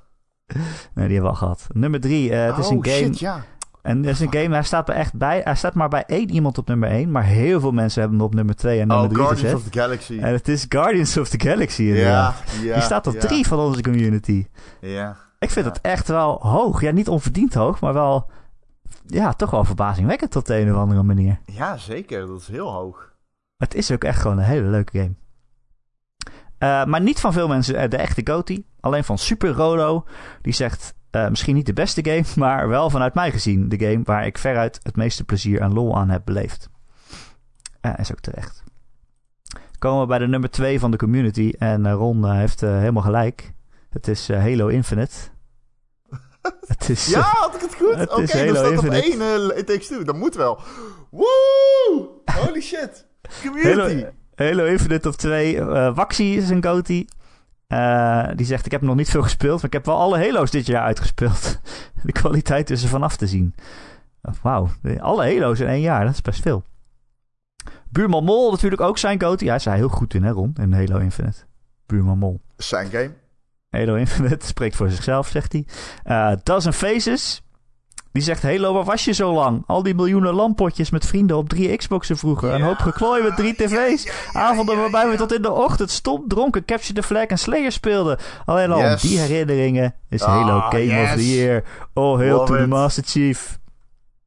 Pay homage to the king. Petrified Penguin die zegt... Ondanks dat ik niet eens de mogelijkheid heb om Halo te spelen... toch mijn goatee. Wat? Ja, hij vertelde in de Discord dat hij heel veel streams heeft gekeken en zo. En dat hij daar toch al zo van genoten heeft dat eh, Halo toch zijn goatee is. Ook al heeft hij het niet gespeeld. Ja, omdat het niet kan. En eh, ook van Fidomir is het de goatee. Een heel goed compleet pakket. Een prima singleplayer. Maar op één door de multiplayer. Bijna nog geen dag voorbij gegaan dat er niet even wat potjes gespeeld worden. Eh, en dan de nummer 1 van de Ron en Erik community. Ron. Het is It Takes Two. Ja. And it's not even close. Hij staat Ja. zo ver bovenaan. ja. Mensen Mooi, hebben wat daar zeggen mensen erover? heel erg van genoten. Eh, de Decider, zijn goatee was het. Eh, die zegt het barst eh, van de creativiteit. Eh, en het zal maar nog lang bij gaan blijven. Wittische die noemt het de tofste co-op ervaring van dit jaar. Vanjo die zegt de meest originele game die ik dit jaar heb gespeeld. Elk gedeelte van de game voelde vernieuwend. Eh, Recre- Recreator is ook zijn goatee. Genoten van elke seconde. Samen met mijn vrouw deze game uitgespeeld. En de steeds beter wordende werelden, gevarieerde en originele gameplay elementen en fantastische humor maken deze game de ultieme ervaring van het jaar. Eh, onder nul ook zijn goatee. Ik heb een chronische glimlach over- overgehouden aan It Takes Two. Zelden zoveel plezier gehaald uit een game. Eh Obi-Twan ook zijn goatee. Eh veruit de meeste lol mee beleefd. De ultieme co-op game met veel afwisselingen en momenten waarop we hard moesten lachen. Eh, ook van Moegril is het de goatee. De beste co-op game ooit gemaakt zelfs, noemt hij het. Er is veel variatie en het verveelt nooit. Eh, Boswachter zegt, dit was het jaar van de gameplay. Ik heb ontzettend veel plezier gehad met It Takes Two en Valheim. Ja, dat was dan zijn nummer twee. Beide brachten me naar betere tijden, waar ik mijzelf zo'n tien jaar jonger voelde. Ik ben er zo achter gekomen hoe belangrijk gamen met vrienden voor mij is. En Theology Beach die zegt... Uh, Hazelight Studios heeft ons opnieuw getoond hoe fun videogames zijn. Ik werd helemaal blij door de originele gameplay die tot op het eind bleef verrassen. En ook heerlijk om in deze lockdown-tijden één goede vriend te claimen om dit spel te spelen. Vriend, bier en digitaal verrast worden, daar teken ik voor. Ja, hmm. dat is natuurlijk ook de ultieme lockdown game. It ja. Takes Two. We zitten allemaal vast en we, mogen nergens heen. Nu weer. Ja, zeker. Uh, Marcel zei het al in de, in de podcast de vorige keer. Dit is de game die je met je partner moest spelen thuis. Moest. Is ook zo. Ja. Nou, dank jullie allemaal voor het stemmen. Ik vond het heel leuk en verrassend ook nog wel. Het is zeker verrassing ja. intussen. Ook al heeft Ron alles goed gegokt. Ja, niet alles. Ik zei in het begin uh, Metro Tram, maar die hadden we ook gehad. Uh, ja. Maar uh, heel erg bedankt uh, voor het ja. stemmen en een heel mooi lijstje. En nu gaan wij naar onze nummer drie's, uh, Ron. En join de Discord, want die is fantastisch. Ja, kom erbij inderdaad. Please do. de Discord is de goatee van het jaar. Ja. Alright. nummer drie. Hell Let Loose. Oh. Oh. Hell Let oh. Loose ken je misschien niet. Het was wel een PlayStation Plus game. Dus je kon hem gratis downloaden op je PlayStation. Maar Hell Let Loose is een multiplayer first-person shooter in de Tweede Wereldoorlog. 50 tegen 50. En het doel is om de frontlinie op te schuiven. Dus je pakt punten in op de map en that's it. Dat is het. Het is super simpel. Uh, maar wat die game zo vet doet, en dat komt vooral door audiovisuele kwaliteiten, is dat dat spel laat echt zien hoe ontzettend zwaar oorlog is. Hell Let Loose is echt gewoon gruesome. Soms lig je echt gewoon in de modder, suppressed. Dat er echt alleen maar spetters van modder op je beeldscherm zitten, zeg maar. Je ziet, kunt bijna niet meer kijken. Die audio is echt oorverdovend. Wat die game op je afvuurt, letterlijk, is echt ongekend. Ik heb dat nog nooit in een game zo gezien. En als, als je onder druk wordt gezet en je, je bent aan het schreeuwen in je mic van... hey, dit is wat er aan de hand is. We hebben een bombardement nodig op A5. Weet je, dat soort tactiek gegoten in die prachtige maps met verschrikkelijk goede geluidseffecten. Ik weet niet. Ik heb nog nooit een game gespeeld. Deze game heb ik echt zo lang gespeeld. De tweede helft van 2021. Steeds gewoon even een potje. Ook om aan mensen te laten zien. Omdat het zo vet is om te laten zien, weet je. Um, de druk aan de frontlinie. De tactische complexiteit van een oorlog. Het, het werd nog nooit zo in beeld gebracht zoals bij deze game. Uh, het idee daarvan is een soort jongensdroom of zo. Dat je echt 50 eh, tegen 50 oorlog, oorlog hebt. Niet, niet Call of Duty, maar echt oorlog. Um, ik, ik, mijn tekst, mijn eindejaarstekst, mijn favoriete van de redactietekst gaat over Hell Let Loose. En dat is een anekdote over een van de beste momenten in die game. En uh, ga die lezen te zijner tijd. Misschien is die nu al, uh, staat die nu al online, misschien niet. Wie zal het weten? Wie zal het weten? Maar um, het is een uh, zeer bijzondere multiplayer game. Eentje die we niet snel meer gaan zien, denk ik. En uh, ja, dat is heel mooi. Mijn telefoonkaart. Ik moet even opnemen, Erik. Twee seconden. Oh, oh jee. Moet ik het volpraten of ga je... Ja, dat weet ik niet. Met Ron? Oh, nevermind. Oké, okay, geen interesse, dankjewel. was dat nou? Was de verkoper? Ja. Uh, oh, dan laten we het erin. Sorry, mijn headset trip ballen. Tegelijkertijd wordt ik gebeld. Eh, echt uh, Hel dat loose belt. Waarom ze niet hoger staan. Oké. En mijn nummer drie is Returnal. Oftewel Returnal. Daarom staat hij op drie. Oké, okay, een woordgrap. Wauw. ik hou heel erg van Returnal. Wat een fucking harde, harde, harde actiegame. Het is uh, Housemark, die Finse studio waar ik al zo'n fan van was. Hè, met uh, Resogun, uh, met Next Machina. Die maakte echt keiharde twin-stick arcade actie. En op de een of andere manier hebben ze het voor elkaar gekregen om dat naar een 3D-wereld te vertalen. Ehm, het schietwerk, het, het, vooral die dash, het ontwijken van de bullet hell, kogels, alles wat op je afkomt In een echt super smerige wereld waarin alles pulseert en slijmerige geluidjes maakt. En tentakels die je vast proberen te grijpen en je mee naar boven trekken. En je denkt, wat de fuck, dan moet je daaruit dashen. Uh, je zit in een heel... In een wereld die echt heel onvergeeflijk is en ook heel onverwelkomend. Het is een wereld die jou er totaal niet in wil hebben. En die je alleen maar de hele tijd dood wil maken met van alles en nog wat. En je loopt in die wereld. Ik zal zeggen, de eerste paar uur dat ik dat spel speelde, dacht ik ook van, nou, dit kwartje valt niet helemaal. Volgens mij zit er toch iets mis of ben ik gewoon slecht of zo. Want ik ging steeds maar dood. Eh, ik kwam niet eens bij de eerste eindbaas. En op een gegeven moment, ik weet niet wat het is in dat spel, maar het kwartje begint toch te vallen. Je begint een beetje te leren welke wapens goed zijn, welke upgrades je moet hebben, waar je precies heen moet lopen. Ook al is het steeds uh, willekeurig gegenereerd, er zit toch een soort, soort van logica in. Met deuren die je naar uh, geheime schatkamers brengen. Uh, maar die kan je dan ook overslaan als je haast hebt. ik kan de afweging maken van ga ik deze run heel veel power-ups halen? Ga ik een goed wapen halen? Ga ik proberen zo ver mogelijk te komen? Of, of wil ik meer van, het, van dat ether halen waarmee je dan weer upgrades kan kopen? Het kwartje begon te vallen en uh, ja, hij bleef maar doorvallen. Ik heb die game toen ik hem voor de tweede keer oppakte in één ruk uitgespeeld. Uh, ja, ik vond hem echt gewoon fantastisch. Die actie is zo vloeiend. En elke keer als je geraakt wordt, denk je: ja, dit was mijn schuld. Ik bedoel, er is een overweldigende kogelregen die op me afkomt. Maar dat ik, net, dat ik er net tegenaan loop, dat was toch wel mijn schuld. Ook al is die game super moeilijk. Uh, ik hou heel erg van Returnal. Ik hou van die wereld. Ik hou inmiddels ook van dat verhaal zelfs. In het begin dacht ik echt, dat dit is echt te vaag voor mij. Maar als je zo tegen het einde komt en je, en je... Ik had hem uitgespeeld en ik dook in een soort Reddit-hole, weet je wel, van mensen die aan het filosoferen zijn over wat alles betekent. En het is echt een heel Twin Peaks-achtig verhaal waarvan je niet eens helemaal zeker kan weten wat nou precies wel en niet echt waar is. Of je kan je eigen theorieën erop loslaten. Dat vind ik ook wel heel bijzonder. Maar ja, het is gewoon echt een bijzonder goed spelend spel. En uh, daarom mijn nummer drie. Wauw, oké. Mooi uitgelegd. Ik wil ook nog de soundtrack noemen.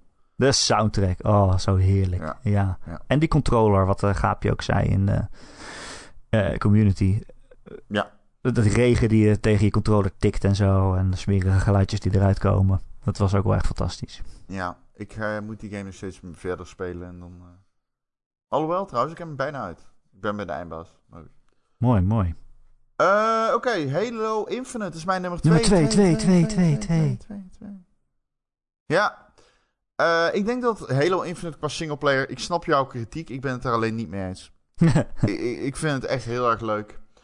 Uh, het brengt weer het mysterie en, en, de verwondering terug. Ik vind het niet vergelijkbaar met Far Cry of zo. Je komt echt richting zo'n basis en dan gaat alles op slot. Beginnen de rode lichten te, te, te shinen. En dan, um, en dan heb je echt het gevoel van wow, oké, er gaat iets los.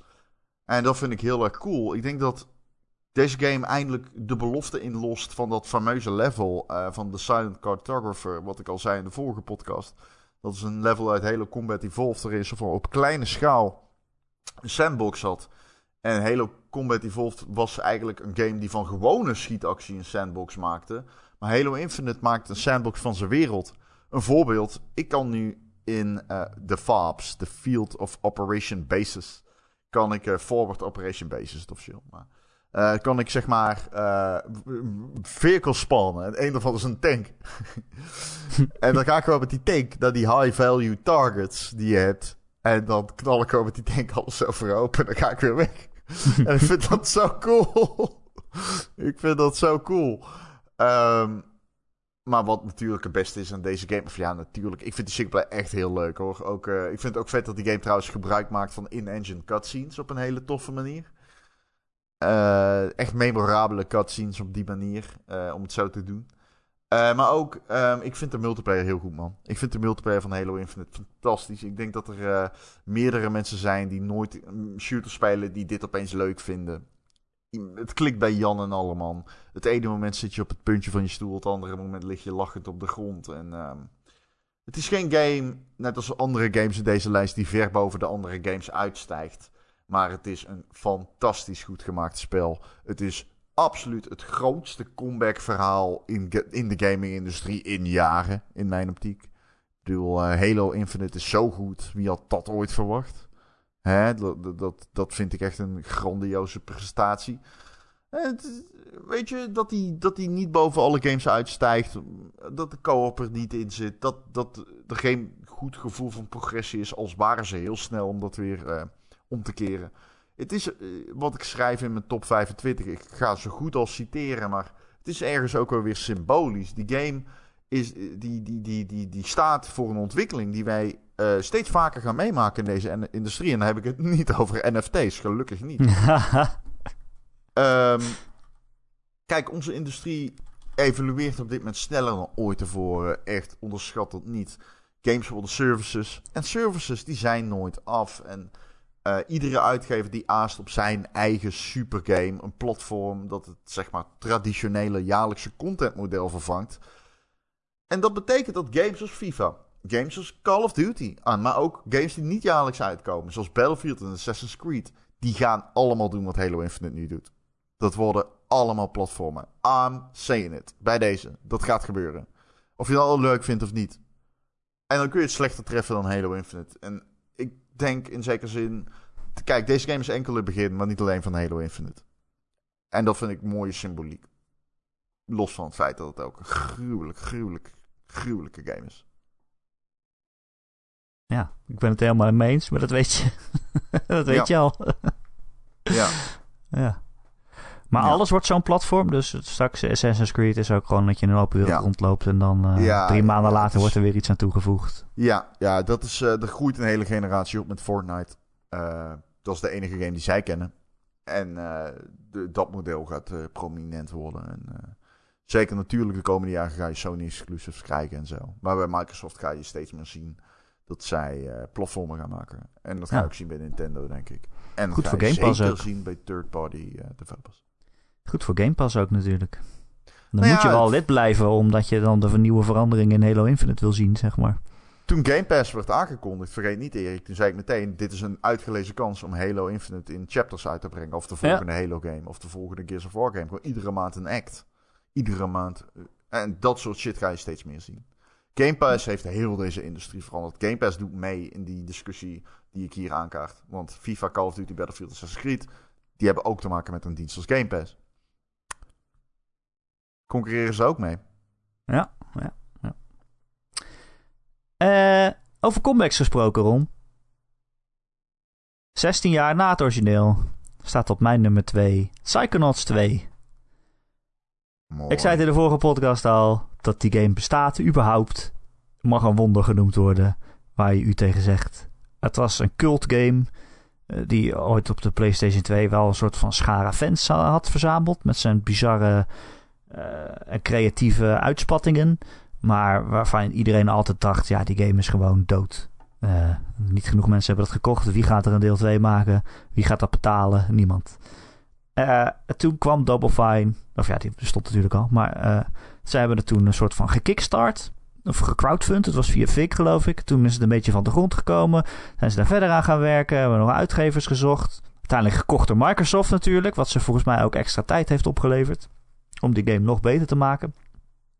En wat ze hebben afgeleverd is echt. Ik kan er niet bij hoe bijzonder dat is. Begin die game te spelen en je denkt al: Oké, dit pakt precies. Het gaat precies verder na deel 1. De deel 1 was 16 jaar geleden. Toen was Raz, het hoofdpersoon, was een kind. Het is nu 16 jaar later. En ik weet niet. Het is alsof je 16 jaar later. Uh, de volgende aflevering van een, van een sitcom of zo aanzet. En iedereen is nog steeds even oud. En je denkt, hoe kan dat eigenlijk? Uh, het gaat gewoon verder waar het gebleven was, alsof er niks is veranderd. Uh, maar dat is wel echt bijzonder, want als je toen in die tijd Psychonauts 1 speelde, het liep gewoon af met een cliffhanger. En dat is nooit opgelost. Ze zouden eindelijk naar de grote Psychonauts uh, hoofdkwartier gaan.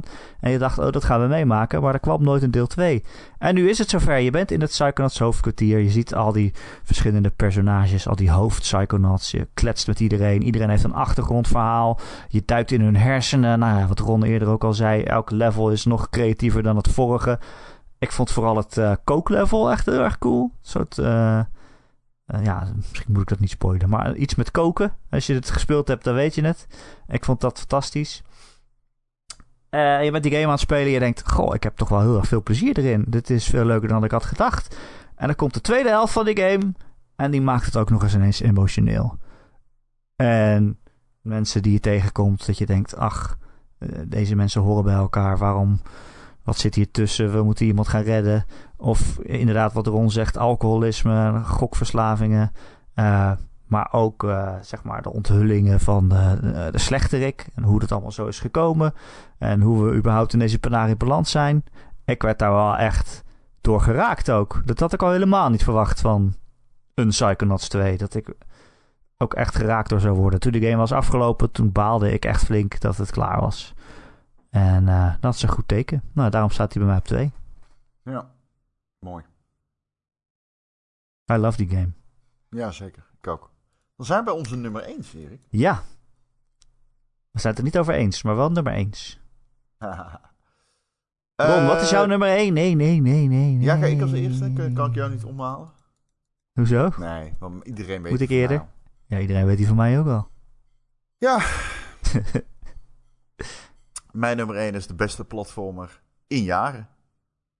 Sonic. It Takes Two. Oh. Nee, niet Sonic. Sonic is niet uitgekomen afgelopen jaren. Oh, dat is waar.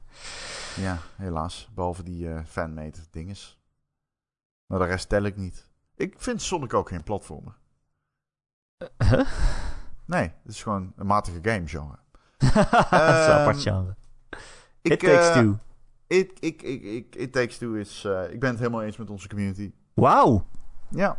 Je zit op één lijn uh, met de hele community. Ja, iedereen. Iedereen bent eens met iedereen. Al je bevindingen. En onze vorige podcast. Weet ook ja, mee eens. allemaal. Uh, nee, luister. Ik ga je... Dit, dit is wat ik zou zeggen. Als ik, als ik leraar game design zou zijn aan een, uh, aan een hogeschool... Laat ik niet universiteit zeggen. Dat is ook gegrepen. Dan zou je zwarte dus... gaten uitleggen. Nee, supernova's, hypernova's. Ja, dan zou ik inderdaad iets aan. Nee, maar dan zou ik zeggen: dit is de best gedesignde game van in jaren. Um, misschien ziet te lang. Je kunt dingen vinden van het verhaal. Maar wat die game op je afvuurt aan variatie in omgevingen en dingen om te doen, is ongekend. Het is ongekend. Het is echt ongekend. Ik speelde die game uh, met een vriend van me. En ik zat echt de hele tijd: holy shit, dit is zo vet. Dit is zo goed gedaan. Hardop. En dat verdient die game ook. Die game is goed genoeg. Die game is zo mooi gemaakt. Het is zo knap hoe zij zoveel dingen hebben bedacht. En al die dingen er ook in hebben kunnen uh, verwerken. Je bent nooit vijf minuten hetzelfde aan het doen. Grandioos. Grandioze prestatie. Nooit verwacht na die vorige game. ja. uh, de, de, absolute grootste verrassing.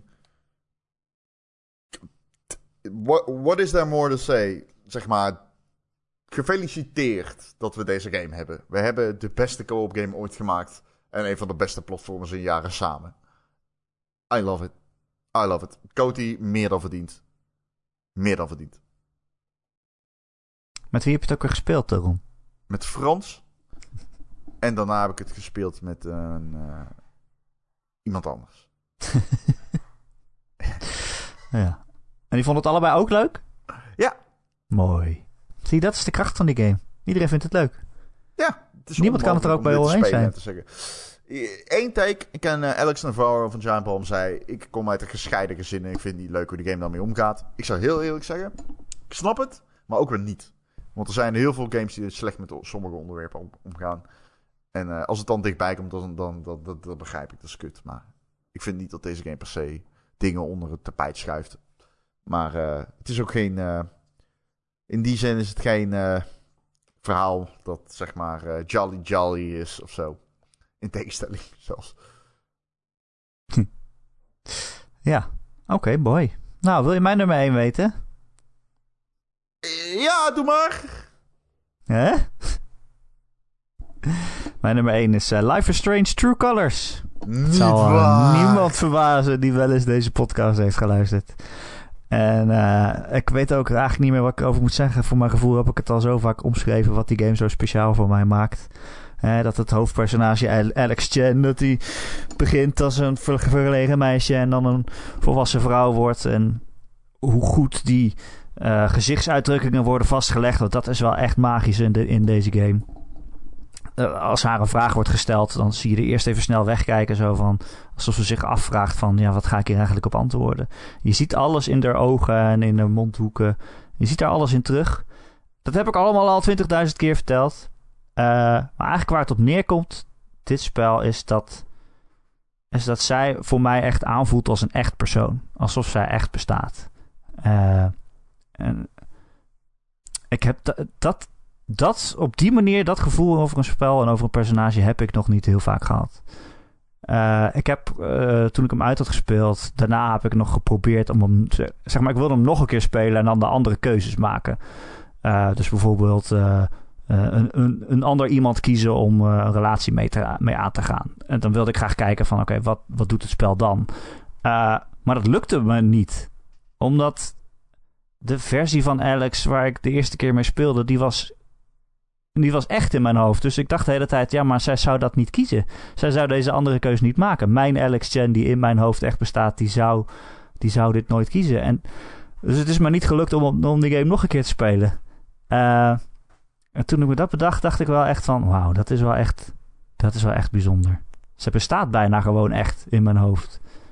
Uh, dat maakt het ook extra moeilijk om die game uit te spelen en afscheid te moeten nemen. En te bedenken van, nou ja, uh, waarschijnlijk komt er geen deel 2 van dit. Want dat doet Life is Strange nooit. Die maakt altijd weer een oh, ander verhaal. Ik moet even de deur openmaken, Erik. Sorry. ik praat gewoon verder. Ik praat ja. gewoon verder. Um, dus we hebben echt afscheid moeten nemen van haar. Uh, en dat vind ik echt jammer. En wat ook vooral zo bijzonder is, is voordat die game uitkwam, ik was echt, ik stond echt klaar om te gaan haten. Uh, want de vorige Life is Strange, zeg maar Life is Strange 2, vond ik wel oké, okay, vond ik wel goed.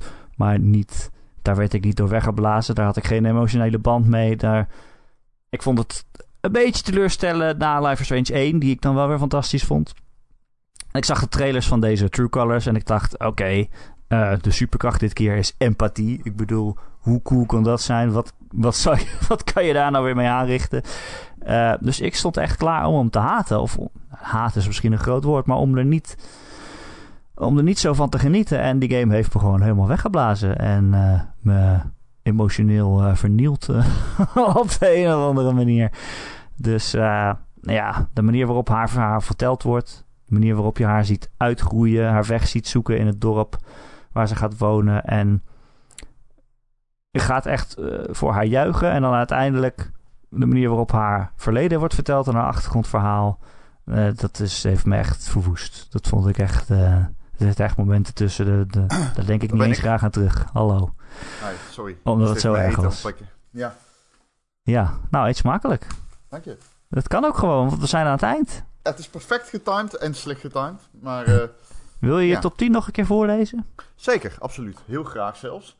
Mijn top 10 is Boomerang X op 10. Op 9 Guardians of the Galaxy. Op 8 Deathloop. Op 7 ja, Loop Hero. Op je kan Loop Hero misschien wel hoger moeten zetten. Op 6 Metroid Dread.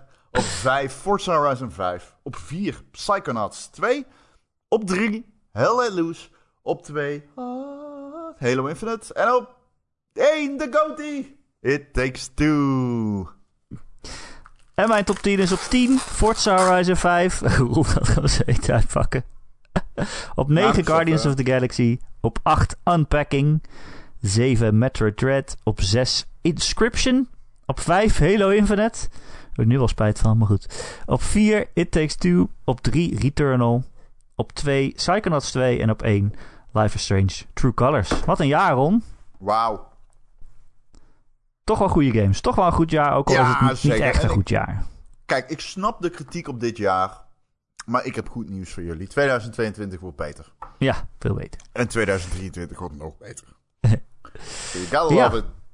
We zien jullie allemaal graag terug uh, in 2022. Dan gaan wij gewoon verder. Volgende week is er een uh, speciale aflevering. Bijzondere aflevering. Een bijzondere aflevering, kunnen we wel zeggen. Een nostalgische trip. Of geef ik daarmee te veel weg? Best wel. Nou denk dat ja. iedereen nu wel kan raden tot een... Iedereen, weet, iedereen weet het al. We hebben het ook al in de Discord gezegd, maar goed, dat maakt niet uit. We willen ook iedereen bedanken voor het luisteren. Natuurlijk gelukkig nieuwjaar wensen.